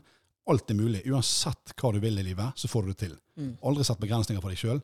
Mat på. Du kan få til hva som helst. Altså bare Ikke hør på noen som sier at dette ikke går. Eh, du kan få til hva du vil. Altså Sett deg skyhøye mål. Gå for det. Forsøk. Eh, gå på trynet. Spiller ingen rolle. Bare mat på. Optimist og drive, da, kanskje? Ekstremt optimist og drive. Kanskje i overkant optimist og drive. Mens min mor, som er et utrolig varmt, utrolig sosialt, utrolig hyggelig menneske, hun har litt annen til meg. Sånn ikke stå for mye fram. Eh, ikke stikk nesen din ut. Vær eh, fornuftig kar. Eh, gjør jobben din. Eh, liksom eh, bidra i samfunnet og ikke, vær, ikke fremheve deg sjøl så voldsomt. Så det er på en måte den kombinasjonen av de to tingene. Det er på en måte En slags nice cop og bad cop da, dynamikk? Nei, det blir ikke helt Ja, riktig, men nei, de- nei, det er ikke det heller. For, for mutter'n er jo helt legende. Men det, jeg er veldig glad for at jeg har hatt de to tauene på en måte som har trukket Mm. meg, kan du si. For da føler jeg at jeg forhåpentligvis har havnet et sted, Sted imellom, litt grann imellom der, hvor jeg har liksom det beste fra min far, som kan bli Altså, han på topp kan bli i overkant, hvis du skjønner hva jeg mener. Uh, mor andre veien, sant? det passer ikke meg. Mens i midten der et sted, det, det føler jeg i hvert fall jeg Jeg er veldig, veldig fornøyd med det stedet jeg er sånn mentalt, og sånn jeg oppfører meg eh, utad og, og overfor meg sjøl. hvis det der er riktig, så høres ut som du- dine foreldre har truffet veldig bra, for det der høres jo eh, pinpoint ut. Ja, jeg syns det. jeg synes det. Vil du ha en kopp kaffe før vi fortsetter? Nei, jeg klarer meg foreløpig. Jeg, jeg, jeg, jeg, men jeg, jeg drakk mye kaffe på kvisten i dag, så jeg, eh, jeg kjenner det hopper over et slag innimellom. Så det går bra. Kan jeg fylle på min kopp? Det kan du 100 Det er bare helt herlig. Ta og Gå bort eh, på det veldig fine kjøkkenet ditt. Jeg må jo si at leiligheten her er jo veldig fint oppusset. Det er en veldig eh, Det er vel ikke hvit RAL 11-fargekode. Han er litt grann dusere, som gjør at du får en veldig fin sånn totalinntrykk. Det blir lyst og fint om, om, eh, om dagen når solen skinner på, og så, så får du den fine, trivelige kveldsstemningen når eh, solen går ned og belysningen her, og dere har dimming i taket. og dere, I det hele tatt, eh, du og din tvillingbror har eh, jeg vet ikke om det er dere som har gjort det, men dere har eh, et veldig trivelig krypen her, altså, som har alle forutsetninger for å bli et, eh, å være et eh, veldig godt hjem. Så um. Absolutt. Og nå er det jo dessverre min, min tvillingbror som bor her for øyeblikket. Jeg er jo bosatt i Oslo Ja, ja. og leier ut en kamerat, men det er veldig trivelig å kunne komme hjem her, og så er vi på en måte i, i gang og koser oss her og forskjellig. Jeg skal sjekke om jeg har en sånn jingle til vi på rød. Ja, jeg liker jingle. Jeg vet, skal vi se. Har jeg det på denne, da? Prøver den, kanskje, da. den gule knappen. Hvordan går det med den karen? La meg si det slik. Rakk ølsalget med ti sekunder i sted. Ja, hvordan går det nå igjen? Nei, kjørte over katten min i stedet, så Er vi på rød eller grønn? Rød eller grønn bølge kaller jo jeg det for. da. Det er jo at eh, Hvis det går veldig bra, så surfer du gjerne på den grønne bølgen. Går det mer bra, så surfer du på den røde. Kanskje du tryner en del, og du ja, du klarer egentlig ikke å surfe en eneste bølge. Hvilken bølge tror du du står på med ditt surfebrett, Knut? Altså, tenker du nå eh, i, dag, liksom sånn akkurat Ja, nå prater jeg om livet ditt og hvordan du har det til sinns akkurat i dag. Ja, altså for å si sånn da, eh, jeg, jeg surfer på en solid grønn bølge i livet, det vil jeg si. Men hvis du skal ta, hvis jeg skal ta akkurat dagen i dag, så er han fremdeles grønn med tanke på jeg er her hos deg. Mm. Jeg skal med døtrene mine på brannkamp etterpå. Jeg, jeg, alt dette er helt perfekt. Men for å gjøre det interessant, da, så eh, kan jeg jo eh, ta en annen historie på en måte fra i dag og i går. Eh, er jo at, eh, Så kanskje litt mer sånn oransje, i hvert fall. da. Eh, ikke at jeg lar meg i Spent? Spent? Ja, spent. spent. Jeg, jeg, um, som litt bakteppe, så kan jeg si at hele agentbransjen min, og egentlig hele, hele livet mitt, alt jeg gjør, så, så jeg eh, er veldig tillitsbasert. Jeg har utrolig tillit og stoler på folk. Jeg er ikke naiv, jeg er ikke idiot. Jeg har jo levd et langt liv og vet at det er jo lurendreier. og Men du legger godsiden til. Jeg legger godsiden til. Jeg, jeg tror det beste om alle, og, og gir alle benefiten eh, til det motsatte eventuelt er bevist. Og, og, og det betyr at uh, du kan få mange fine opplevelser på det, Ja. og mange bekreftelser på at det er rett. Det er nesten i alle tilfeller, stort sett. Uh, av og til så får du jo, uh, blir du motbevist som det synger etter, og kan gå på variable forskjellige smeller. Det kan være alt fra følelsesmessige smeller til økonomiske smeller til ditten von datten smeller. Sant? Men, men, men summa summarum, og dette er jeg veldig bevisst på, så er, er det mye, vil jeg mye heller være den personen jeg er i forhold til det med tillitsmessig, fordi at totalsummen er så mye bedre gjennom livet enn å gå rundt og, og være mistroisk eller gå rundt og være skeptisk. eller gå rundt og liksom, ja. I hvert fall da, Så det har jo ført meg til en, en, en, en, en gøyal historie nå, som gjorde at jeg, jeg skulle kjøpe en, en eh, ny bruktbil til min kone som en slags overraskelse nå for et par dager siden. Hva Hvilken bil prater vi her? Nei, prater en brukt, en brukt eh, det, det er forstått ikke så viktig. Men, Nei, det er ikke viktig. nei, men poenget jeg fant en, en, en av sorten som jeg likte veldig godt uh, i, Mm. uh, i uh, Møre og Romsdal. Trenger ikke gå så veldig i detalj hvor det var, men det var eh, i nærheten av Molde. Og øh, den så veldig fin ut. Jeg øh, var oppgitt å være helt strøken, helt tipp topp, helt perfekt på alle mulige måter, og egentlig en kjernebil. Uh, ringer selgeren, og vi har en kjempefin, får en veldig god tone med han, og veldig, alt er vel på stell. og, og og tenker at den tar jeg usett, for dette her, Mm. her var god feeling på hele greien. Dette, dette virket bra. Uh, hektisk liv, har ikke tid til å, å hente den sjøl akkurat nå. Uh, hørte med ja, Det er for øvrig en liten bisarr sidehistorie. Jeg hørte med Hurtigruten. Da. Ok? For jeg var inne på Hurtigruten først og sjekket. Først sjekket jeg flybilletten til Molde for meg sjøl. 900 spenn. Ja. En vei, greit. Så tenkte jeg, sjekket med Hurtigruten. Jeg har ikke tatt Hurtigruten, faktisk. Tenkte jeg, ok, ta Hurtigruten fra Molde til, til Bergen, og med bilen. Ja. Så tenkte jeg, eh, er det dyrt eller billig? Nei, de hadde faktisk et tilbud nå, hvor det kostet da 990 med bil, med meg, og med lugar. Helt fra Molde til Bergen. Ja, det er jo ikke mer enn faktisk, de, Den går vel fra Molde klokken ni om kvelden og fremme klokken tre om ettermiddagen i Bergen, så det er Ja. bare i underkant av et døgn. Men likevel, det var mye billigere enn jeg trodde. Altså 900 spenn. Så det vil si 1800 spenn da, egentlig for å fly opp, hente bilen, og så få seg en hyggelig båtreise hjem med bilen. Kjempedeal, det da. Ja. Men igjen så hadde jeg ikke tid. Jeg hadde masse baller i luften, hadde ikke mulighet til det akkurat da. Uh, så jeg ringte heller Hurtigruten og spurte, for de har en sånn tjeneste at du kan sende bilen med dem bare. Altså Ja. bare vedkommende der oppe hiver bilen om bord. Jeg henter den i Bergen. Tenkte da er jo det ja, Kanskje det er noen hundrelapper dyrere, da, med tanke på at uh, Må få hjelp av en fyr der. Ja, ja, ja. 14 000 kostet det. Hæ? 14 000. Så jeg, de lo jo av det sjøl da jeg på en måte prøvde å legge frem regnestykket. Jeg sa jeg kunne, jeg kunne ta med meg hele familien opp og, og ta båten ned igjen med, med full middag og, og vinpakke og likevel komme ut til halv pris. Men det var det, det var jo en sidehistorie. Det, det er jo sykt. sånt tips til andre hvis de tenker at det er bare å kjøpe en bil i Tromsø og ta med Hurtigruten. Det koster gjerne 150 000 eh, uten at jeg skal si det sikkert. Men i hvert fall, det endte opp med at jeg smelte ut en greie på Facebook da, og spurte om det er noe- noen som har sjanse til å fyke opp, fly opp til Molde, hente bil for meg og kjøre den tilbake igjen. Ja. Eh, og fikk da melding fra en sinnssykt fet eh, syrer. Som, eh, som er bare er en drømmekis. Altså jævlig trivelig kar. ja. Veldig hyggelig. Han kunne gjøre dette her, null stress. Eh, eh, kjøpte seg billett, fløy opp. Eh, hentet bilen. Kom hjem til meg. Og var veldig glad. Han gjorde en kjempejobb. Kom ned med bilen til meg. Eh, bilen var helt annerledes enn det jeg hadde sett for meg. Nei. Var, jo, ja, ja. Og det er jo bare sånn livet er, på en måte. Så altså, der er jo, må ta på min egen kappe, klart at kjøper du bil usatt, så kjøper du bil usatt. Det, det, det plages ikke med i det hele tatt. Så jeg ringte nå da uh, selgeren og sa at dette var ikke helt sånn som jeg hadde sett for meg. og Nei. jeg tenker jeg bare sender en retur til deg hvis det er greit. Uh, ja, vel, vel frem tilbake og frem tilbake, og, og endte opp da med at uh, han kjøpte den tilbake igjen for litt mindre enn jeg hadde kjøpt den for. Det er drit. Det er penger, er penger på en måte. Det, det er flyktig, det kommer og går. Det, det er ikke så veldig viktig. Men så ringte jo da til kompisen med, med, som, skulle, som hadde hentet bilen. Ja. Og han var jo så glad på den turen, og han hadde kjørt om natten. Så sier jeg, har du giddet å kjøre han opp igjen? Og han tok på sant? Men eh, ja, ja, selvfølgelig. Null stress. Det er null stress, det. Sånn at, eh, sånn at eh, Og da kjørte han opp i går, fredag okay. hvor det var nydelig vær, og han kjørte opp på morgenen, og hadde, han hadde en strøken tur opp fra det, og koste seg skikkelig, og hadde det kjempefett, og, og ringte med underveis og var i Volda, og liksom hvor fint dette her var, greia. Eh, da var det, men da var det skamdyrt med fly tilbake på kvelden, og det tror jeg var Ah. fi- 4500 en vei fra, fra Molde i går kveld. Så da spurte han, han foreslo selv, om jeg kunne ta seg en natt eh, på hotell der oppe. Og det tenkte jeg var en kjempegod idé, for det var mye billigere det å fly tidlig i morges med en billigbillett og, og ta seg en hotellovernatting.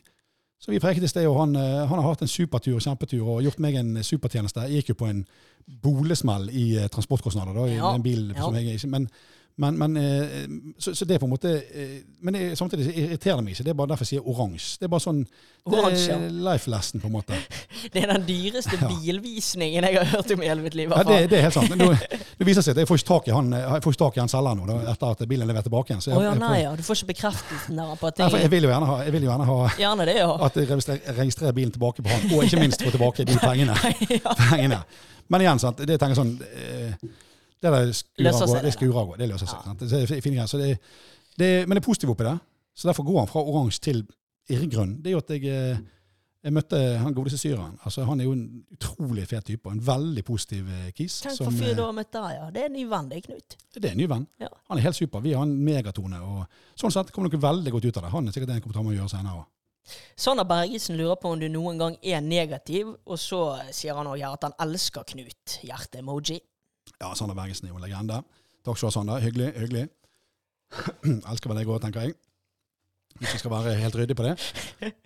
Nei, om, jeg, om noen gang negativ? Ja. Um, ja, altså negativ og negativ. Jeg, eh, det er ikke veldig veldig sjelden jeg mister mitt gode humør. Det kan jeg telle på veldig mm, få hender, håper jeg å si.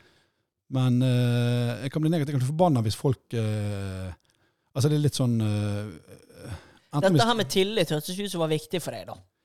Ja, tillit er viktig, men, men ja, tillit er veldig viktig. Og jeg liker å leve et tillitsbasert liv. Mm. Og det, det får du veldig mye igjen for ved å vise tillit til folk. Og, og gjerne folk som kanskje ikke nødvendigvis er vant til å få tillit. Gi dem tillit, og det, gir masse positive ringvirkninger. Mm. Eh, men som jeg sier også, så er jeg gammel og naiv og har vært ute mange mange vinternetter. Så jeg er ikke naiv heller, sånn at jeg er forberedt på at det å gi tillit kan gå alle mulige veier. Så det er for så vidt helt greit. Eh, jeg er veldig opptatt av å være tillitsfull tilbake igjen. Og, og, og, eh, og det er viktig for meg. Det er noen bærebjelker i livet mitt. sånne ting, Og, det, det setter jeg pris på. Men det som kan gjøre meg Altså, jeg byr veldig mye på meg sjøl. Jeg gjør mange syke ting. Eh, jeg på en måte kan, eh, og jeg gjør veldig mange dumme ting. Og jeg føler sjøl jeg har god selvinnsikt, god selvironi. Mm. Jeg er ikke redd for å kaste meg sjøl under bussen. Jeg er ikke redd for å innrømme feil når jeg har gjort det. Eh, Jeg kan bli sur hvis folk Altså, de, eh, kanskje, det er ikke mange ganger, men hvis, hvis folk eh, Altså, hvis jeg føler meg urettferdig behandlet, da. Hvis, eh, hvis folk påstår jeg har gjort noe jeg ikke har gjort, f.eks. Eh, da kan det, kan bli gretten. Fordi at eh, jeg gjør så mye sykt, eh, og det står jeg for. Og så mye gale, og det står jeg for. Og det, det, det står jeg i om å tåle. Men hvis jeg da får beskjed om ting jeg ikke har gjort, så kan det bli veldig Da kan jeg bli forbanna, rett og slett. Det, det, det kan jeg. Det tror jeg Det tror jeg gjelder de fleste, kanskje. Ja, det tror jeg de fleste kan kjenne seg igjen i. Sånn at, eh, og ikke minst jeg blir forbanna med, med at folk behandler andre urettferdig. Da kan jeg også miste Og så byråkrater. Altså byråkrater. altså, sånne altså, evinnelige historier som, som er for eksempel, Bare som et eh, eksempel, og leste om en eh, jeg tror han het Kjetil ute på Askøy i dag, dagens BA. For du er jo litt eh, politisk aktiv, det må jo litt annet. Eller er du fortsatt det? Ja, altså, jeg er politisk aktiv, men jeg har vært veldig opptatt av politikk eh, hele livet mitt. Jeg har vokst opp med to veldig politiske foreldre på venstresiden som har gitt meg veldig gode verdier på det som har med menneskeverd og det å, å, Mm. respektere andre. eh, det å ta vare på de svakeste, ikke minst. eh, veldig. Og mm, som jeg var inne på, så bare ta et eksempel for dagen. En Kjetil mener jeg han het ute på, på Askøy, som, som eh, var eh, soldat og tjente i, i, i Bosnia Okay. og var utsatt for en, eh, utsatt for en eh, ulykke der i forbindelse med når han var militæret der og, Ja. og ble hjerneskadet. Og, og, og nå sliter voldsomt med, med at han har perioder hvor han er blind og døv, og, og har et knalltøft liv ute på Askøy. Eh, og, og så får han ikke da de rette pengene og de rette erstatningene fordi at eh, Nav eller UD den gangen glemte å søke eh, pensjon og, u, u, og skadeforsikring for han. Altså, de, de, han har full rett på det. Er det systemet sin feil? At han Ja, ja så er det systemet som er feil. altså, Han har full rett på det, men de glemte den gangen på hans vegne å søke om det, sånn at de gikk rette veien. Så Derfor får han ikke det den dag. Og Dette er jo 25 år siden.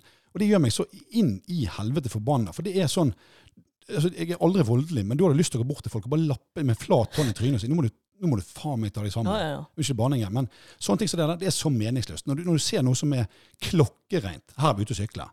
Dette er en mann, han skulle hatt uh, pengene sine fordi at uh, UD eller Nav eller noen glemte å sende inn et skjema for 25 år siden. Hva, altså, ja, familien hans er oppgitt, han er oppgitt. Det, Ja, men det der rydder de vel opp i, hæ? det håper de gjør nå. Det Ja. håper de men de, de hadde en stor sak på det for et par år siden. Ikke skjedde noe. Det var derfor saken var oppe igjen i dag.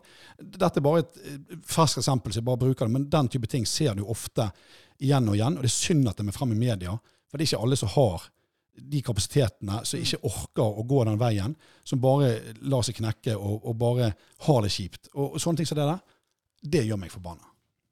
Skjønner jeg veldig godt. Har du blekk der borte? Blekk? Blekk, ja.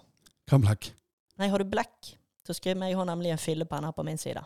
Ja, ja, ja. Jeg vet ikke hvor du vil, men jeg, jeg, Tenkte vi skulle prate litt om denne boken din. I Ok. 2014 ga du ut denne Kinaputten, boken din 'Fotballagenten'.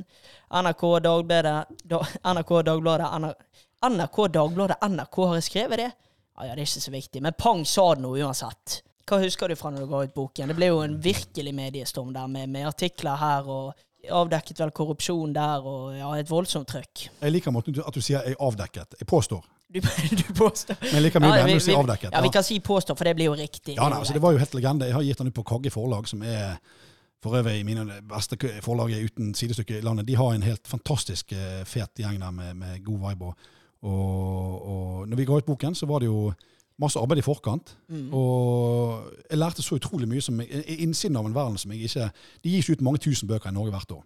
Og det er uhyre få som får omtale. Og nesten ingen som blir anmeldt. Eh, altså Det forsvinner lite. Eh, mange mange tusen bøker gis ut. Eh, flesteparten selges ikke i det hele tatt. Mm. Eh, jeg mener jeg husker de sa at eh, i bokbransjen så betegner man en bestselger som en bok som har solgt mer enn 3000. Hæ? Ja, faktisk, ja. Det, Så når de skriver 'kjøp bestselgeren', så kan den igjen være bare solgt 3000? Ja. for det, det er uhyre mange bøker som gis ut, og veldig mange av de eh, selger noe særlig. Det er smalt. Eh, tidligere så var det veldig mange bøker, nesten, ikke alle, men veldig veldig mange bøker ble tatt inn eh, av bibliotekene, og det i seg sjøl ga 2000 salg. Det vil si at det er 2000 Ja, sånn, ja. sånt, ja. Det er blitt snevret veldig inn nå i det siste med kutt fra, fra regjeringen, som gjør at det er nesten ingen bøker som er tatt inn på bibliotekene. I alle fall, eh, Poenget var at eh, i forkant av utgivelsene eh, så er jo det og det forlaget Kagge utrolig skarp på dette med å skape blest. Sant? Det er jo en mediekrig. Altså, Mm. Det er jo ting som foregår i kulissene som på en måte det er jo en, Du kan ha mange podder om det. Det, det som foregår på en måte i kulissene i forhold til politikk, i forhold til ditten, i forhold til datten. Sant? Altså, disse menneskene som trekker trådene, disse spinndoktorene som går bak der, og, og, og det har jo Kagge også. Sant? Og da gjelder det jo på en måte denne krigen. Og i dette tilfellet her, så det vi ønsket å få frem, det var at jeg påsto i boken at daværende fotballpresident Yngvar Hallén hadde mottatt eh, penger under bordet i forbindelse med en overgang til Sogndal Mm. noen år før tidligere. Og den, eh, og det, og det på en måte, den påstanden står jeg ved den dag i dag, i den forstand at, eh, at eh, jeg ble spurt av en, en agent som jeg jobbet med i Polen, som ringte meg som en triviell jobbsamtale. Ja. Fordi at i Polen, i Øst-Europa, så er det veldig vanlig å betale håndpenger til lederne i klubbene. Under bordet. Ja. Dette er helt vanlig. Ja, Altså, så ren korrupsjon, da, egentlig.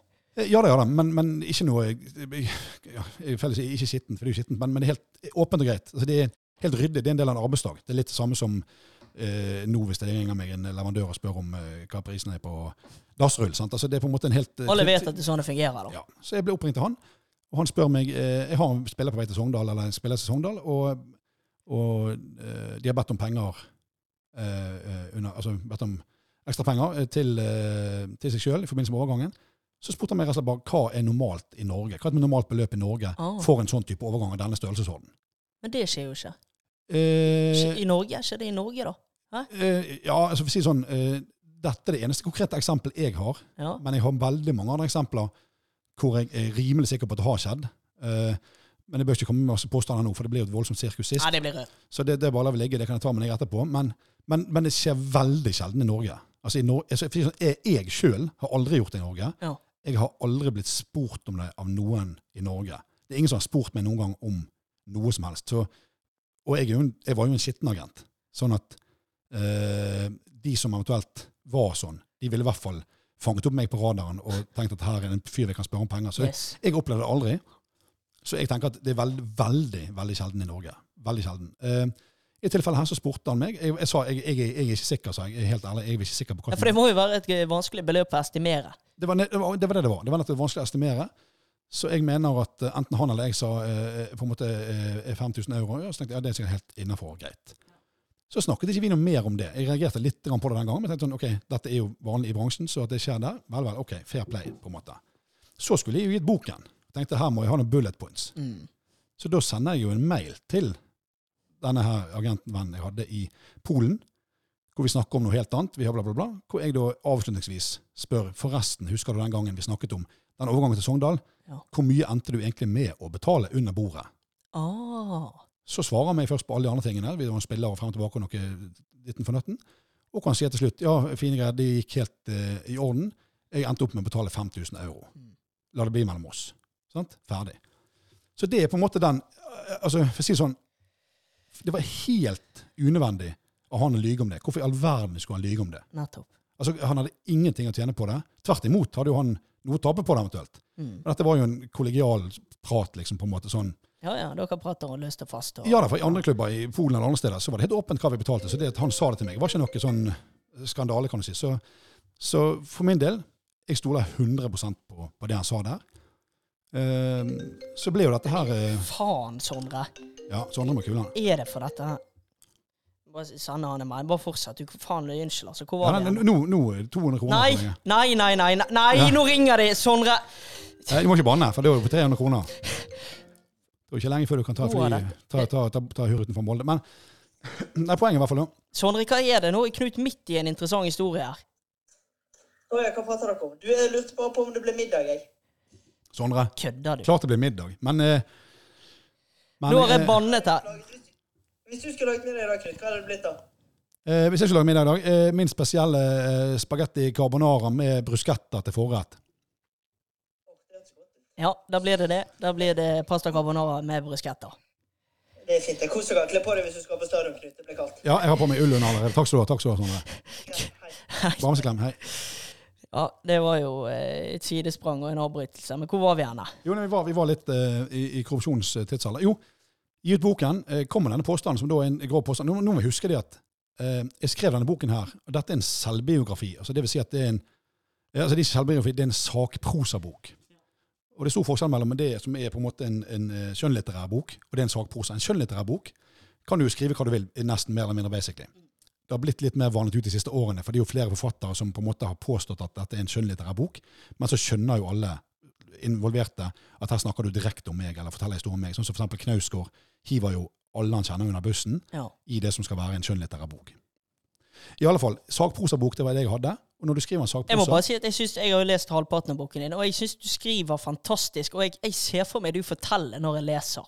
Og det er ikke ofte Ja, nå har jeg kun lest Jeg er Zlatan og halvparten av din bok, men likevel, det skal du ha skryt for. Ja, Det setter jeg stor pris på. Det, det er veldig bra. Det er på en måte den måten jeg ønsket å formidle det på. Det var liksom nærmest muntlig, Ja. og litt sånn at jeg sitter og prater med deg, sånn som vi gjør nå. Ja. Um, det som, er- jo, det som er greia, sagprosabok når det er gis ut på forlag, så må du kunne stå inne for alt som står der. Du kan ikke komme med påstander. Du kan ikke si ting uten at du måte, det har et hold, eller kan bekreftes eller kan verifiseres på noen måte. Sånn at det manuset som opprinnelig var, var av en annen, kaliber. Eh, Jon Christian Elden, advokaten, leste jo gjennom hele boken og kom med masse rettelser og fjernet f.eks. to kapitler.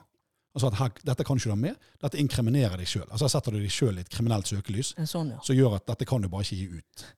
Eh, og så gjorde han andre rettelser, og ikke minst, eh, der jeg kommer med påstand eller har historier, så må jeg ha ryggdekning for alt sammen hele veien.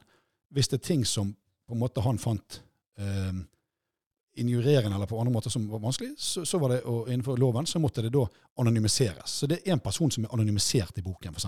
Mm. Men som er en viktig del av historien, men som er anonymisert i boken. Sånne type ting. Så hele boken er gjennomgått fra perm til perm. Eh, igjen og igjen. Altså Jeg har hatt eh, Lars Lent som eh, eh, altså han fiskekompisen til Bård Tufte. Han leste gjennom hele boken og kom med innspill. Eh, Morten Stokstad, som nå er eh, eh, mediesjef i Lillestrøm, Lillestrøm, leste gjennom hele boken og, og, og kom med innspill. Jeg hadde eh, flere andre som var gjennom og, og, og kom med innspill. Og ikke minst eh, redaktøren min av boken, eh, Tuva Ørbekk Sørheim, som i i dag også er styreformann i, i Vålerengen fotballklubb, eh, var veldig tett på meg hele tiden. Mm. Sånn at vi måtte balansere denne boken. Så når, når han kom ut, så kunne både vi og forlaget stå inne for det som sto der. Eh, så du, Dette var en lang historie frem til dagen han kom ut. Det som var om å gjøre da i mediebildet, var jo å skape storm. Altså skape overskrifter, skape blest. Bergens Tidende, VG, hadde fått boken på forhånd, visste hva kruttet var, og vi ønsket at begge to skulle legge fokus på dette med Yngve Allén. Og der var sakene klar. Ja, der var sakene klar.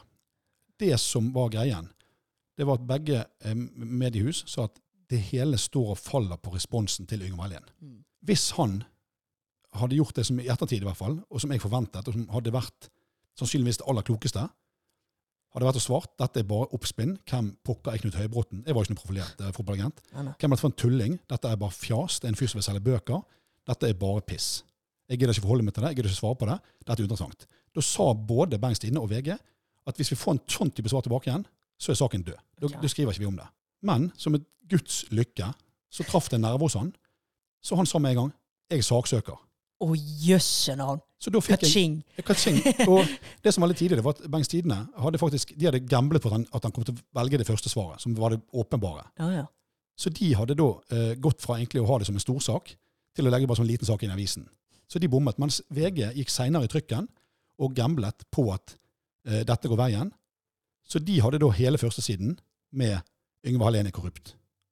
Hele førstesiden jeg var på jeg var hovedsak på TV 2-nyhetene, på NRK-nyhetene, og hele førsteopplaget på 3000 bøker ble solgt ut dag én.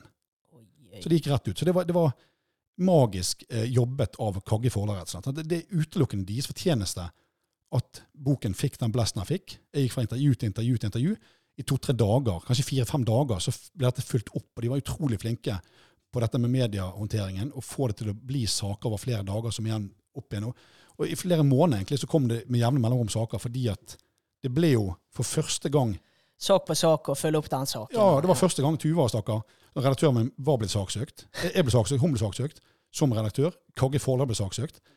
Sånn at det, det, eh, men alt dette her var jo rent gull salgsmessig. PR-messig var det jo rent gull. Så det var helt herlig sånn sett. Så det var kjempespennende. Jeg husker det, jeg elsker oppmerksomhet, jeg elsker likes, jeg elsker på en måte å, å stå i flomlyset. Så for meg var det jo helt fantastisk, eh, fantastisk gøy, husker jeg. Jeg, gikk liksom fra radiostudio til radiostudio til TV-studio til TV-studio i, i, i dagevis. Og det var helt, helt kjempegøy det, for meg og mitt eh, enorme ego. Og denne boken din som vi prater om, det er jo fra tiden din som fotballagent. Hvor mange år ble det totalt? Det ble vel en eh, åtte-ti. Og det jeg lurer på først og fremst, det er hvorfor har du ikke gitt den ut som lydbok? Jo, det er litt artig. Det, det kan vi faktisk eh, eh, Jeg har fått masse forespørsler på forlaget Kagge om det. Du har det, ja? Ja, det er masse. Det, I utgangspunktet så vil de at jeg skal lese den inn.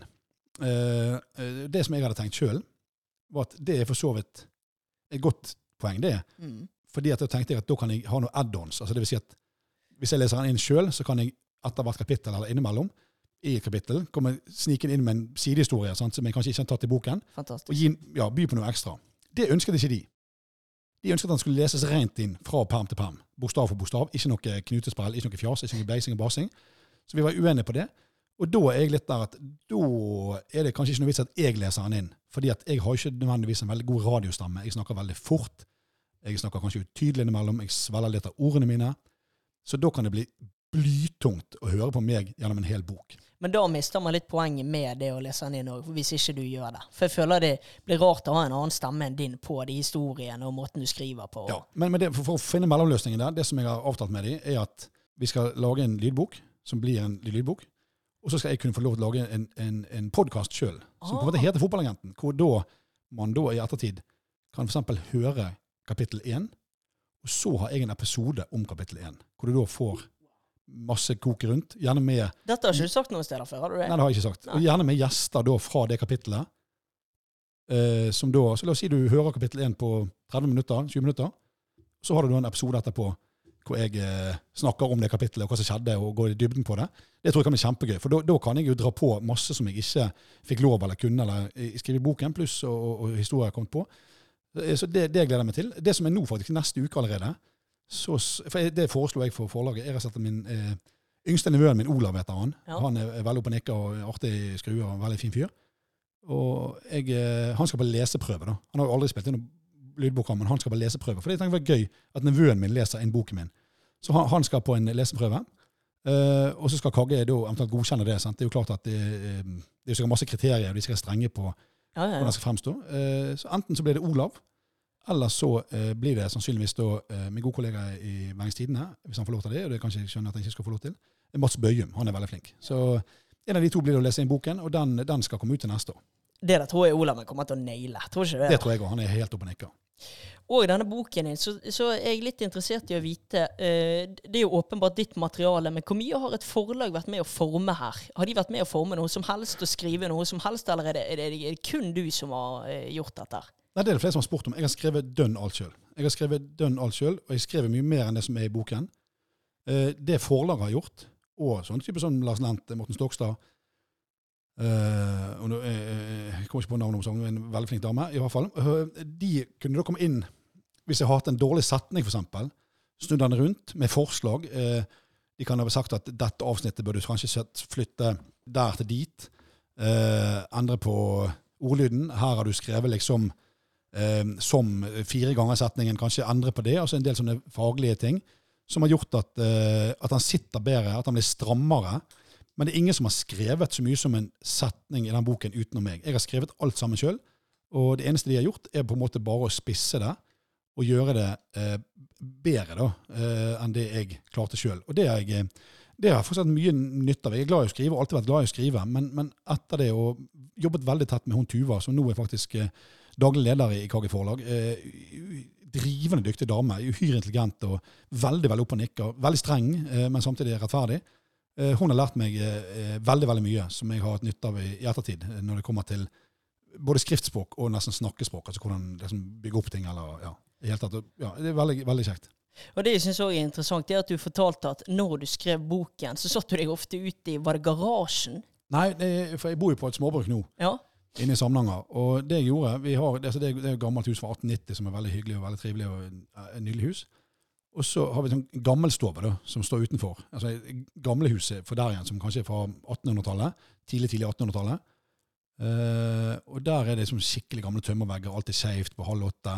Ingen strøm, ingenting. Gikk ut der med fyr til peisen. Sånn langbord som er laget av uh, trær oppe i skogen av naboer. Det er fantastisk. Satt der ute, fyrte peisen, sitte og røyke, drakk rødvin og skrev og skrev og koste meg skikkelig. Jeg kunne sitte halve natten og skrive og sånn halvbris. Og, ja, det, det, var, det var helt topp. Så det å skrive var Altså, de, jeg har hatt lyst til å skrive flere bøker. Veldig mange som har mast meg om enten skrive oppfølger eller skrive sånn. Jeg har et par sånne manus i magen. Og så Ja. leser jeg om disse forfatterne som på en måte setter seg opp, står opp klokken syv om morgenen, setter seg i en eller annen skriverom et eller annet sted og sitter eh, seks timer, åtte timer Gjør det til en dagjobb, på en eh, måte. til dagjobb. Det hadde ikke jeg fikset. Nei. Så, så det på en måte, jeg var inne i stimen, jeg var inne i viben, jeg var inne i flowen når jeg skrev boken. Og, så jeg tror ikke jeg bare kan begynne på en ny bok uten å føle at jeg er i den flowen.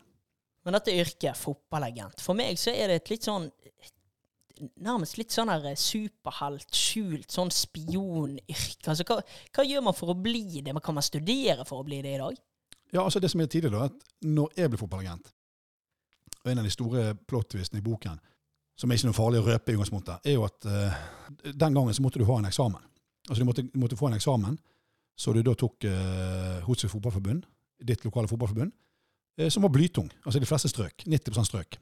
Det var, vanskelig, og Du måtte ha eksamen for å få utstedt agentlisens fra Fifa. Da fikk du såkalt Fifa Players Agent License. Det var den første måten du ha. Da ble du registrert i ditt lokale forbund. Ble registrert på fifa.com sine offisielle sider, hvor du kunne gå inn på Players Agents. Og sto du ikke der, hvis du ikke sto på Fifa sine sider, så kunne du i utgangspunktet ikke eh, handle og kjøpe andre spillere, og klubber skulle ikke forholde seg til deg i det hele tatt. En ting var at du måtte ha eksamen, men du måtte også ha en forsikring, en agentforsikring, som var av en spesiell art, som gjorde at du fikk ikke den i Norge. Det nærmeste vi kunne få tak i, var i Danmark. Ganske dyr forsikring, så da på en måte Jeg tror den var opp mot 10-15 millioner eh, dekning for at hvis du, hvis du på en måte som agent blundret til noe som gjorde at klubber eller spillere eller andre ble skadelidende, så måtte det være en forsikring der. Og den måtte du kunne vise til. Og når det var på plass, både eksamen og den, så ble du listet opp på Fifa sine sider. Jeg eh, fusket jo på agent, jeg strøk på første eh, agenteksamen. Agenteksamen nummer to, så betalte jeg en eh, ansatt i et forbund på Balkan for å få fasiten. Så jeg betalte 5000 euro for det. Ja, Fikk hvordan fikk du den da? Dagen før, eller var det Nei, Det må nesten lese med boken, for det var ganske dramatisk eh, hvordan det foregikk. Det, det var veldig touch and go, og det var en rimelig syk historie rundt det. Det gikk eh, på hengende håret, for å si det sånn. Og, og det gikk bra. Jeg fusket. Fikk agenteksamen min, ehm, og hadde den hele veien. Hadde jo for så vidt, eh, Du fikk på en måte ikke lov til å reklamere. altså det sånn, Du får ikke lov å bruke Fifa sin logo i firmasammenheng noe som helst. sånn som det. Nei. Eh, jeg og Per Ove hadde jo eh, stakkars Per Ove, men jeg og Per Ove hadde jo da, jeg lagde det jo, visittkort med Fifa sin logo på. Og der kan vi stå at navnet vårt og FIFA, FIFA Players Agent. Det ser veldig bra ut. Men det hadde vi absolutt ikke lov til å gjøre, men det gjorde vi, og det var min feil. Men i alle fall, Så det var jo agent hele veien. Når denne boken kom ut da, i 2014, så innrømmer jeg i boken at jeg fusket på eksamen. Ja.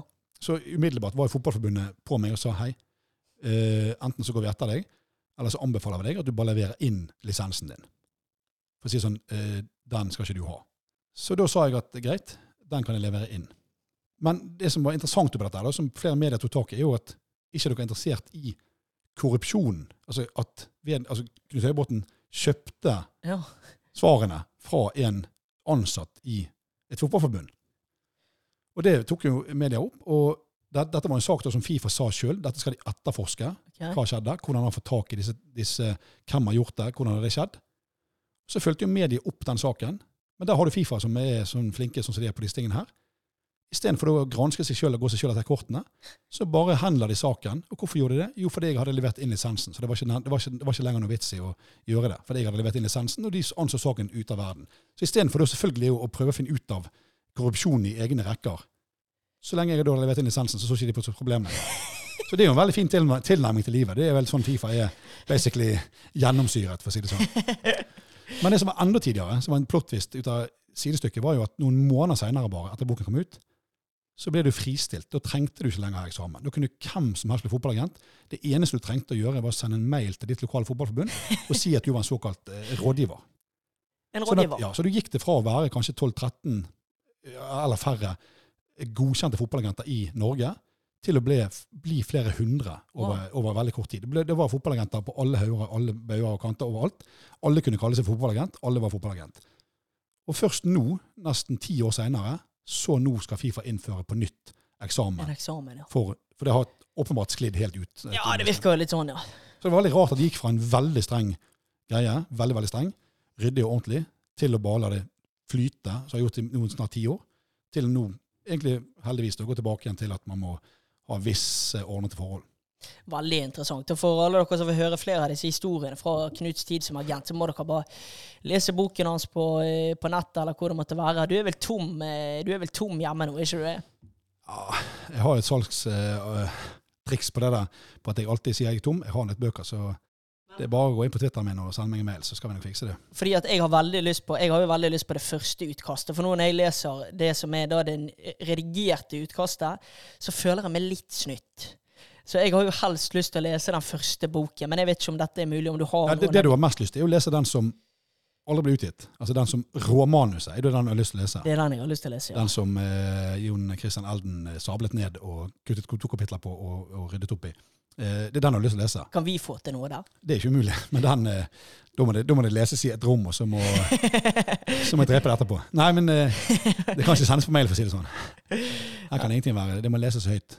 Men vi må nå ta tak i noe av det. Og det jeg tenker om denne agentvirksomheten, når jeg i hvert fall leser om det i boken, det er at det, det fremstår nesten som en sånn cowboyvirksomhet. Altså Vi prater store sum, summer, dyre klientmiddager, fuktige kvelder. Så kan det på tiden du holdt på som agent, minne på noen som helst måte om en light-versjon av Exit?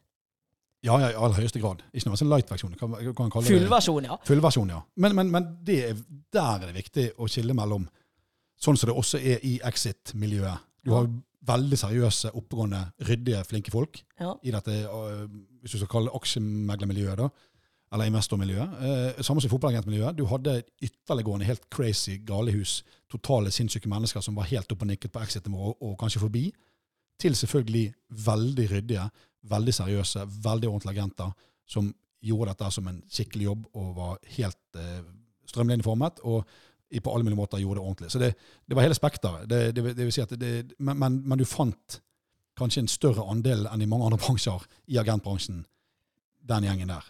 Men, men det, det er veldig viktig ikke alle, alle var en kamp, for det Nei, det er veldig, vi ikke, mange, skal vi veldig ikke. mange seriøse. Men når du måtte omgås, ja, for å kalle det drittfolk, da. Mm. Hvilke egenskaper er det du har som gjorde at du klarte å håndtere det?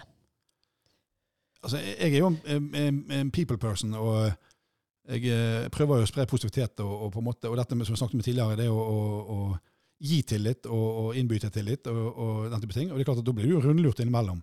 Eh, per Ove har også en tilnærmet lik eh, eh, si livsfilosofi. Han kanskje ikke så, eh, han kan være litt, kan være litt mer skeptisk i sånn, men han er ikke så Bare for å legge til at eh, for de som ikke vet det, så er jo Per Ove han partneren du jobbet med i ditt agentfirma. Ja, så Per Ove er en av de største legendene innenfor Brann i, i Bergen. Spilte, spilte på Brann i mange mange år. eh, Var på landslaget. Hadde en utenlandskarriere for føttene, bokstavelig talt. Ble dessverre kneskadet. og kom ikke hjem. men Han er en kjempelegende. Jobber i Brann en dag i dag og, og, og har vært sportsdirektør der tidligere. Eh, Jeg hadde han eh, som partner i flere år i agentvirksomheten, og han var eh, helt enorm. En utrolig fin fyr. Han er rett og slett et, et meget bra menneske. Et tvers gjennom en utrolig fin fyr. Veldig ryddig. Han var helt antikorrupt i forhold til meg. Veldig antikorrupt. Veldig opptatt av ryddige forhold. Veldig opptatt av at vi gjorde meget god research før vi presenterte spillere til klubber. At vi skulle være bunnsolide på hva vi holdt på med. Ikke noe tull, ikke noe cowboy. Og han holdt meg i tøylene og var en suveren partner for min del. Han er Meget, meget bra fyr. Hvor mange spillere tror du du totalt representerte? Eh, altså Du har flere nivåer av hvordan du representerer. Det ene er jo at du er eksklusiv agent for en spiller. Du skriver en agentavtale som gjør at du er agenten for spilleren i inntil 24 måneder. Og I sånne avtaler så kan du også velge at du er eksklusiv for dem i hele verden. At du for er eksklusiv for dem kun i Norge eller i bestemte land. Det er den ene varianten, hvor du da på en måte er dønn agenten for spilleren. Så det vil si at Hvis dette er en spiller som da gjerne spiller i Norge, hvis det kommer en klubb fra Portugal og er interessert i denne spilleren, så kommer det via en agent, og da kontakter denne agenten gjerne deg fordi du er eh, representanten, og så finner dere en løsning sammen. Eller så er det sånn at eh, la oss si hvis Brann eller en norsk klubb eh, er interessert, vi er ute etter en spiss av den og den type kaliber, en sånn og sånn type spiss med de og de egenskapene, så kontakter du da nettverket ditt, som jeg snakket om litt tidligere, med at vi har bygget opp nettverk eh, over hele verden, Mm. Og sender da ut forespørsler til de. Vi er ute etter en sånn og sånn type spiss, som kan tjene sånn og sånn, med disse kvalitetene. Hvor du da får tilbake igjen, og da er ikke du agent for den spilleren, for da har jo disse spillerne agenter. Mm. Eh, men da er du agent i den handelen. Det vil si at da lager du Sånn, ja. En slags eiendomsmegler. På en måte. Da, da lager du en eh, avtale med den agenten.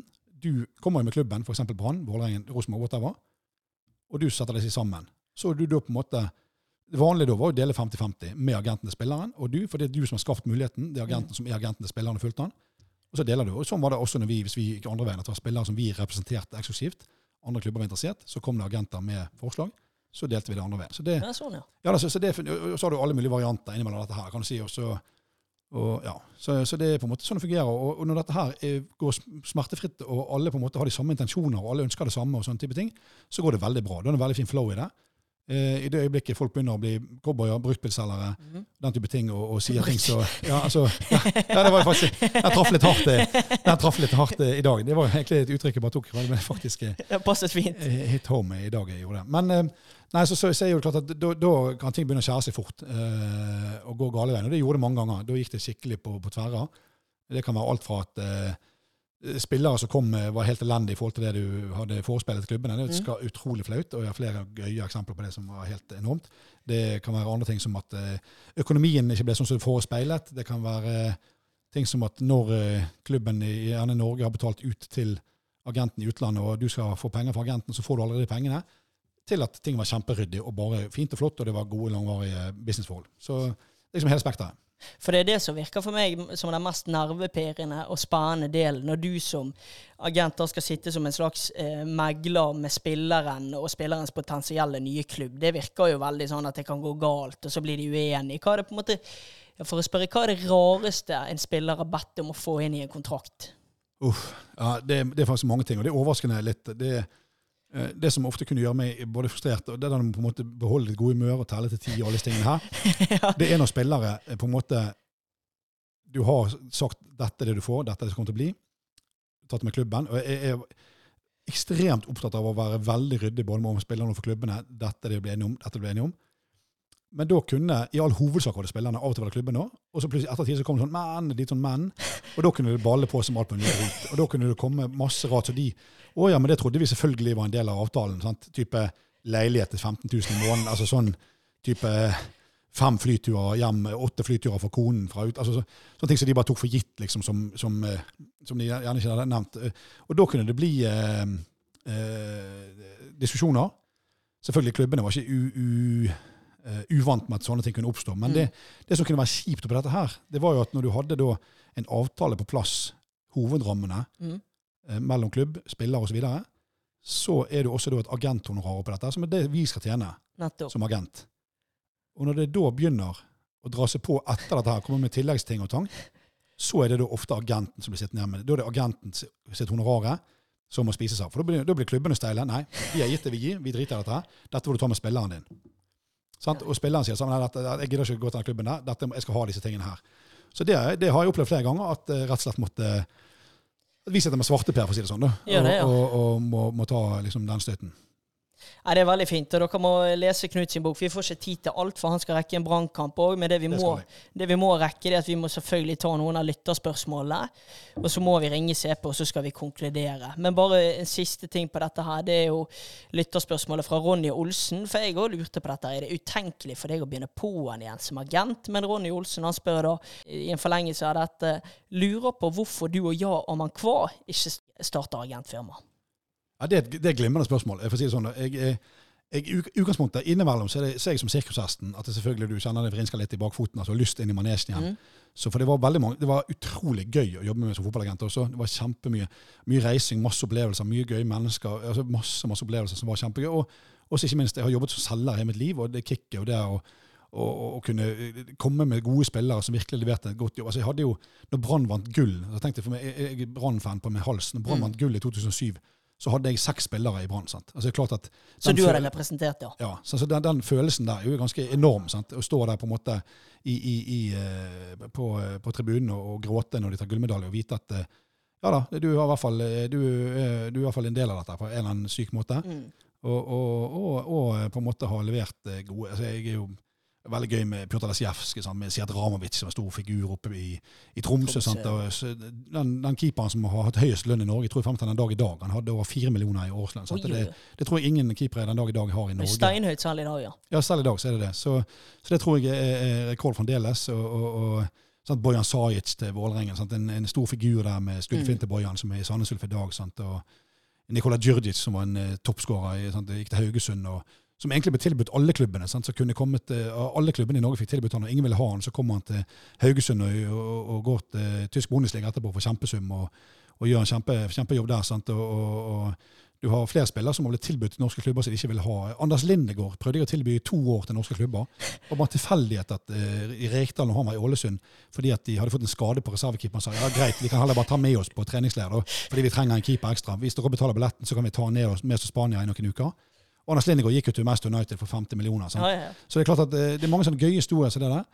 Uh, men å begynne som agent igjen Med Ja og Makwa. ja, Jeg har ikke lyst til å begynne som agent, men hvis jeg skulle gjort det Yo, som jeg også var agent for for så vidt eh, Nettopp. en gang, uh, han er mm, superryddig. Han, han er så flink. Han er så skarp, den mannen der. Han er en briljant fyr. Altså, han er helt oppe og nikker på intelligens. Og vært kjempeflink med for å forvalte pengene sine opp igjennom. Veldig fornuftig. Veldig utradisjonell fotballspiller. Istedenfor bare å waste det på alt mulig pikevin og sang, så har han investert pengene sine og er veldig flink. Han er en familiemann. Han er eh, en herlig far som har gitt han gode verdier i livet. Han er en, eh, en herlig far sjøl og, og eh, si, ektemann. Og en utrolig fet fyr som eh, ja, definitivt eh, kunne tenke meg å jobbe med hvis jeg skulle gjøre det. Prosentsjansen her, da. Ja, de, de er ikke store. Vet du hva det slår meg sånn når jeg sitter her og prater med deg? For meg så er du en slags enorm wifi-ruter. Du er en wifi-ruter på størrelse med Ulriksmasten. Og med det så mener jeg at for at folk og informasjon skal komme til deg, så føler jeg ikke at du må oppsøke det, men at det kommer til deg naturlig. Ja, kanskje, kanskje de gjør det. kanskje de gjør Det kanskje, det der er en liten digresjon til en person vi snakket om for lenge siden i podden her. Anders Parmar. Mm. Han er trekkplaster for galskap og gøye ting. altså. Det er helt legendarisk å være ute og reise med han. Altså Det vi opplever altså det er helt, det er som, altså Dette er helt seriøst. Jeg gidder ikke inn på detaljer nå, men det er så mange utallige historier som opplever han siste året. Det er som å vandre rundt i en klovneepisode. Altså Det er helt ubegripelig hva den mannen klarer å trekke til seg av eh, snodige karakterer og, og eh, ting som skjer. Det er faktisk eh, vel verdt eh, flere podkaster enn kanskje en bok i seg sjøl bare i siste året. Vil du ha en utfordring av meg? Kjør. Ikke sikkert du vil ha han, men det jeg tenkte kunne være vittig her i dag, når du skal her og skal videre på brannkamp for å dekke brann, Ja. hva hvis du nå ringer Anders Parmar og forteller han at du, jeg rekker dessverre ikke ballsparksendingen i, sendingen i dag fordi at fire av sauene mine har blitt drept av rev. Ja, men det, det har ikke funka, jeg brukte det som unnskyldning noe lignende i helgen. Det vil ikke funke. Det er en dårlig unnskyldning, akkurat den. Jeg, altså det, var, det var faktisk ikke unnskyldning, men det var, det var noe med sauene som eh, i forbindelse med en annen greie. Så det, det vil ikke funke. Men hvis du hadde ringt han og sagt at eh, hvis vi hadde funnet på en unnskyldning for at du ikke rekker det i dag, da tror du dette kunne gått an, eller må vi klippe ut hele utfordringsforslaget mitt? Ja, jeg, jo, så vi trenger ikke klippe det ut, for vi kan jo se rundt det. Jeg, jeg, jeg tror ikke det er noe, altså, Ringe til Parmaren fordi at for det første så jeg tar han det som kjære i tunet. Det er null stress. Det ville vært ingen problem, uansett, hva, uansett hva unnskyldningen ville vært. Hvis unnskyldningen hadde vært det at du ikke kan kjøre bil fordi du har drukket, da. Ja, da ville jeg sagt, eh, ville jeg sagt egentlig det samme som Kristian Kalvenes sa i går når jeg skrev Brann med én N på tavlen under trekningen i Champions League, så sa Kristian Kalvenes det overrasker meg ikke. Det samme hadde Parma sagt. da. Så, eh, nei, så jeg tenker at jeg, jeg, jeg vet hvor du vil kanskje i forhold til sånn kamikaze-utfordringer, sånn som jeg er på TV nå med TV Norge med Mia Hundvin og, og godguttene. Eh, jeg er ikke tilhenger av det, for jeg kan jo ringe to minutter etterpå, så vet han at det bare piss. Ja, Sånn at, greit, eh, det greit. Men jeg, jeg vet hvor du vil, jeg skjønner det, men vi lar det stå i poden. vi, vi får la det stå i podden som et forslag som, som vi heller hadde en vittig prat rundt. Så vi går på noen av lytterspørsmålene, da. Nå må du eh, pile herfra, tror du da. Nå er klokken 15.26. Ja, det er ti minutter. Om ti minutter må Ja, det gå? ti minutter Å, jøsse navn. Da får vi bare rulle på her, da. Ja. Du får prøve å svare litt kortere. Det skal du gjøre. Ja, vanskelig for meg.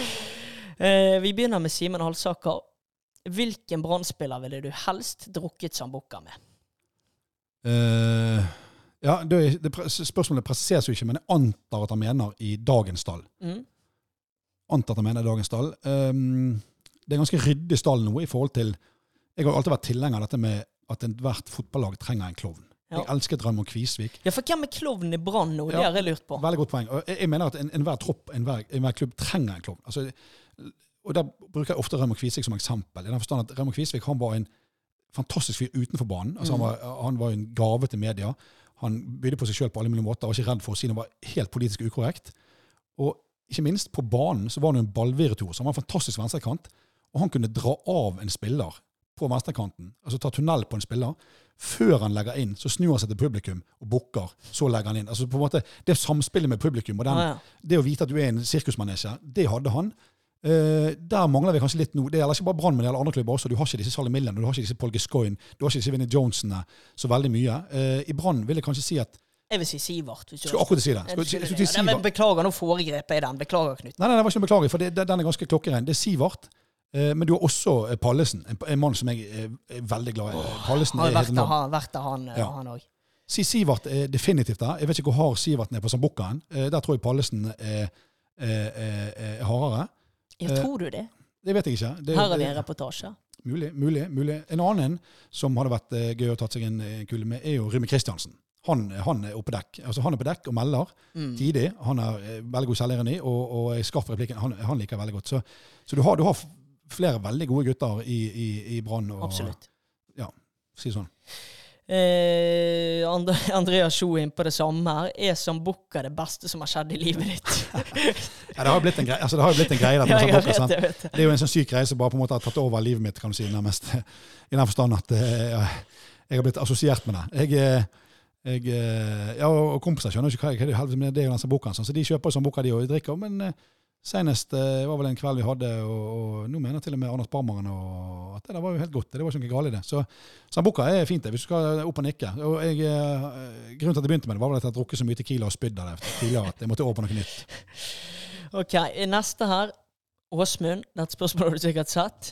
Knut sa han skulle slutte å røyke hvis Brann kom inn i gruppespill i Europa. Det har jo da kvinnelaget klart. Ja. Røyken stumpet. Åsmund, eh, si sånn, eh, du må ta deg en av de bollene som ligger på bordet her. Jeg snakket med din kone på presserommet i går. eh, og så sier hun Har han kone, da.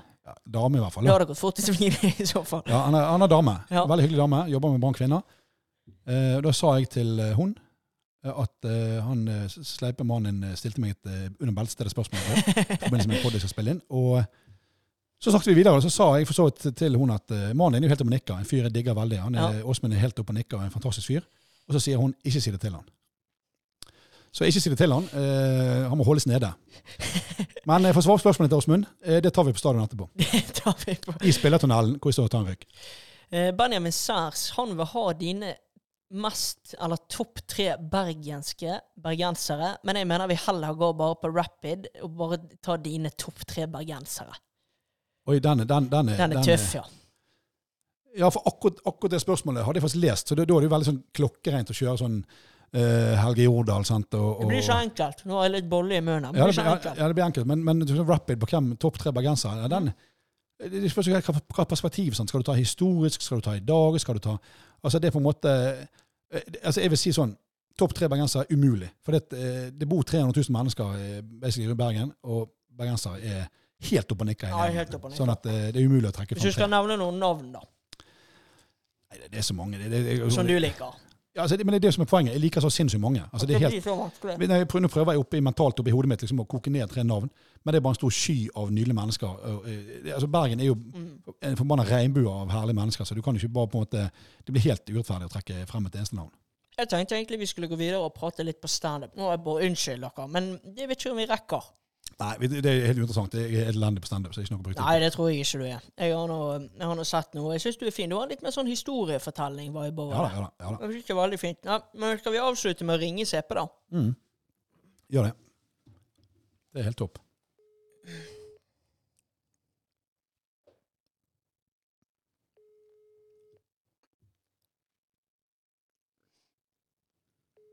Ja, det var jo litt kjedelig at han ikke tok han òg.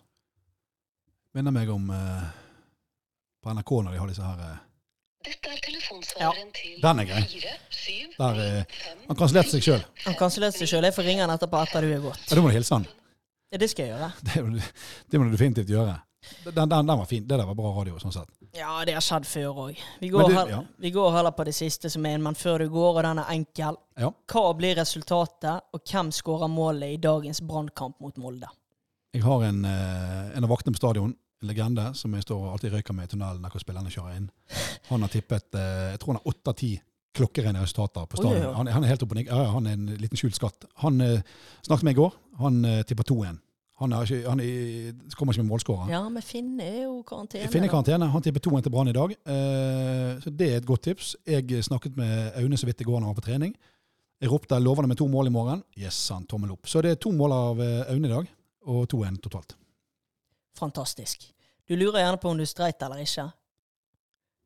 Kjør. Knut, du er langt ifra streit, du, altså. Du er så lite streit som du får det. Perfekt. Det liker jeg. En A4-type, du? Nei, nei, nei. Jeg er Nei, veldig du glad for har, nei, det. du har noen omveier og noe, noe krumspring og noen historier og et liv som er levd som er bare Ja, du er en skatt, Knut. Takk. I likeså. Du er en skatt. To skatter sitter her på det nydelige bordet på Penthouse-leiligheten i Nordre Skogve. Herlig. Vi tar det. Vi tar det. Vi tar det. Helt glimrende, det. Det var jo på 90 Lite streit.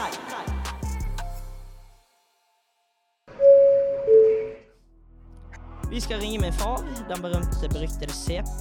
Dette er. CP! CP, hører du meg? Ja, jeg hører deg godt. Du kan ikke gå på den. Du klarer å lure meg hver eneste gang. Nå slutter du med det. Ja, jeg skal det. Det har en The Father. fader. Hei, Allan. Ja, nå ringte vi mye om en annen. Nå er du inne i, nå er du inne i podkasten. Knut Høybråten har akkurat eh, dratt, for han skal jo bo på stadion og dekke eh, Brann. Å ja, du holdt på med det du i dag, ja. Ja da, jeg har holdt på med det. Vi har sittet og pratet om hans liv som agent i en time, og pratet om livet og alt mulig. Så Ble det, ble det bra?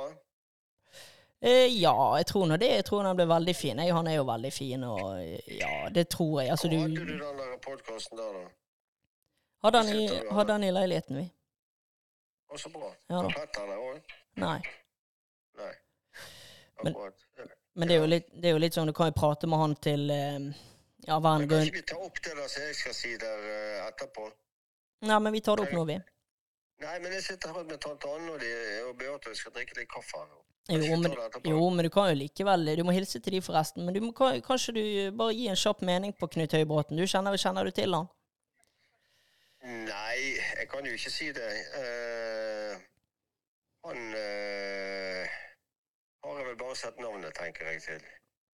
Men det er greit, det, og så må det være. Du kan ikke kjenne til alle. Men da vet jeg faktisk hva, da vet jeg faktisk hva du skal få til julegave.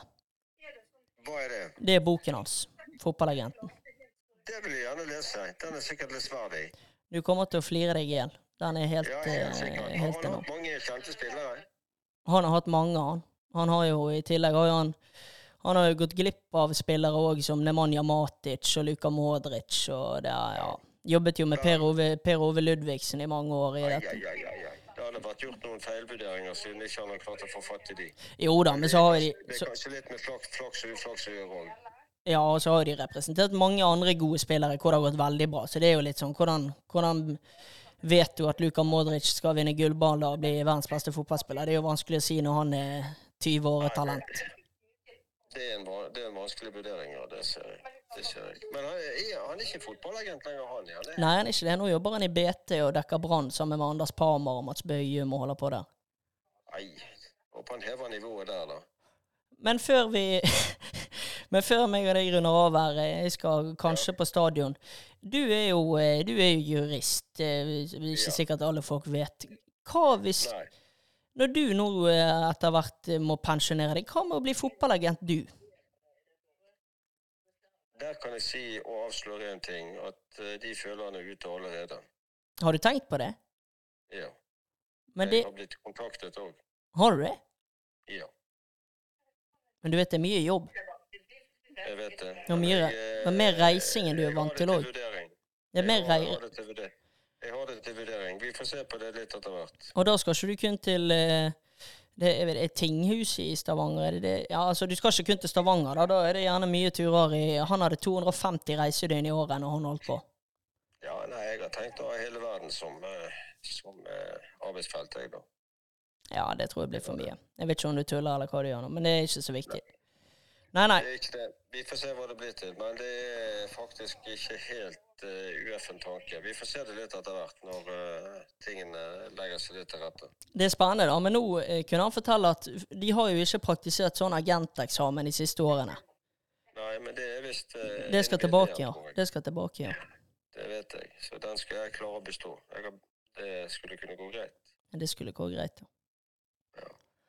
Så vi får se på det. Men eh, min venn, vi må holde kontakten der. Du skal på stadion, sa du. Kanskje. Da må du kle på deg. Ja, jeg må det. Men det hadde jo vært litt gøy å gå og sett i dag. Det hadde jo det. Ja, jeg orker ikke det. Jeg har løpt halvmaraton, så jeg orker ikke det. Det er greit, det. Ja, men vi kan legge på, vi.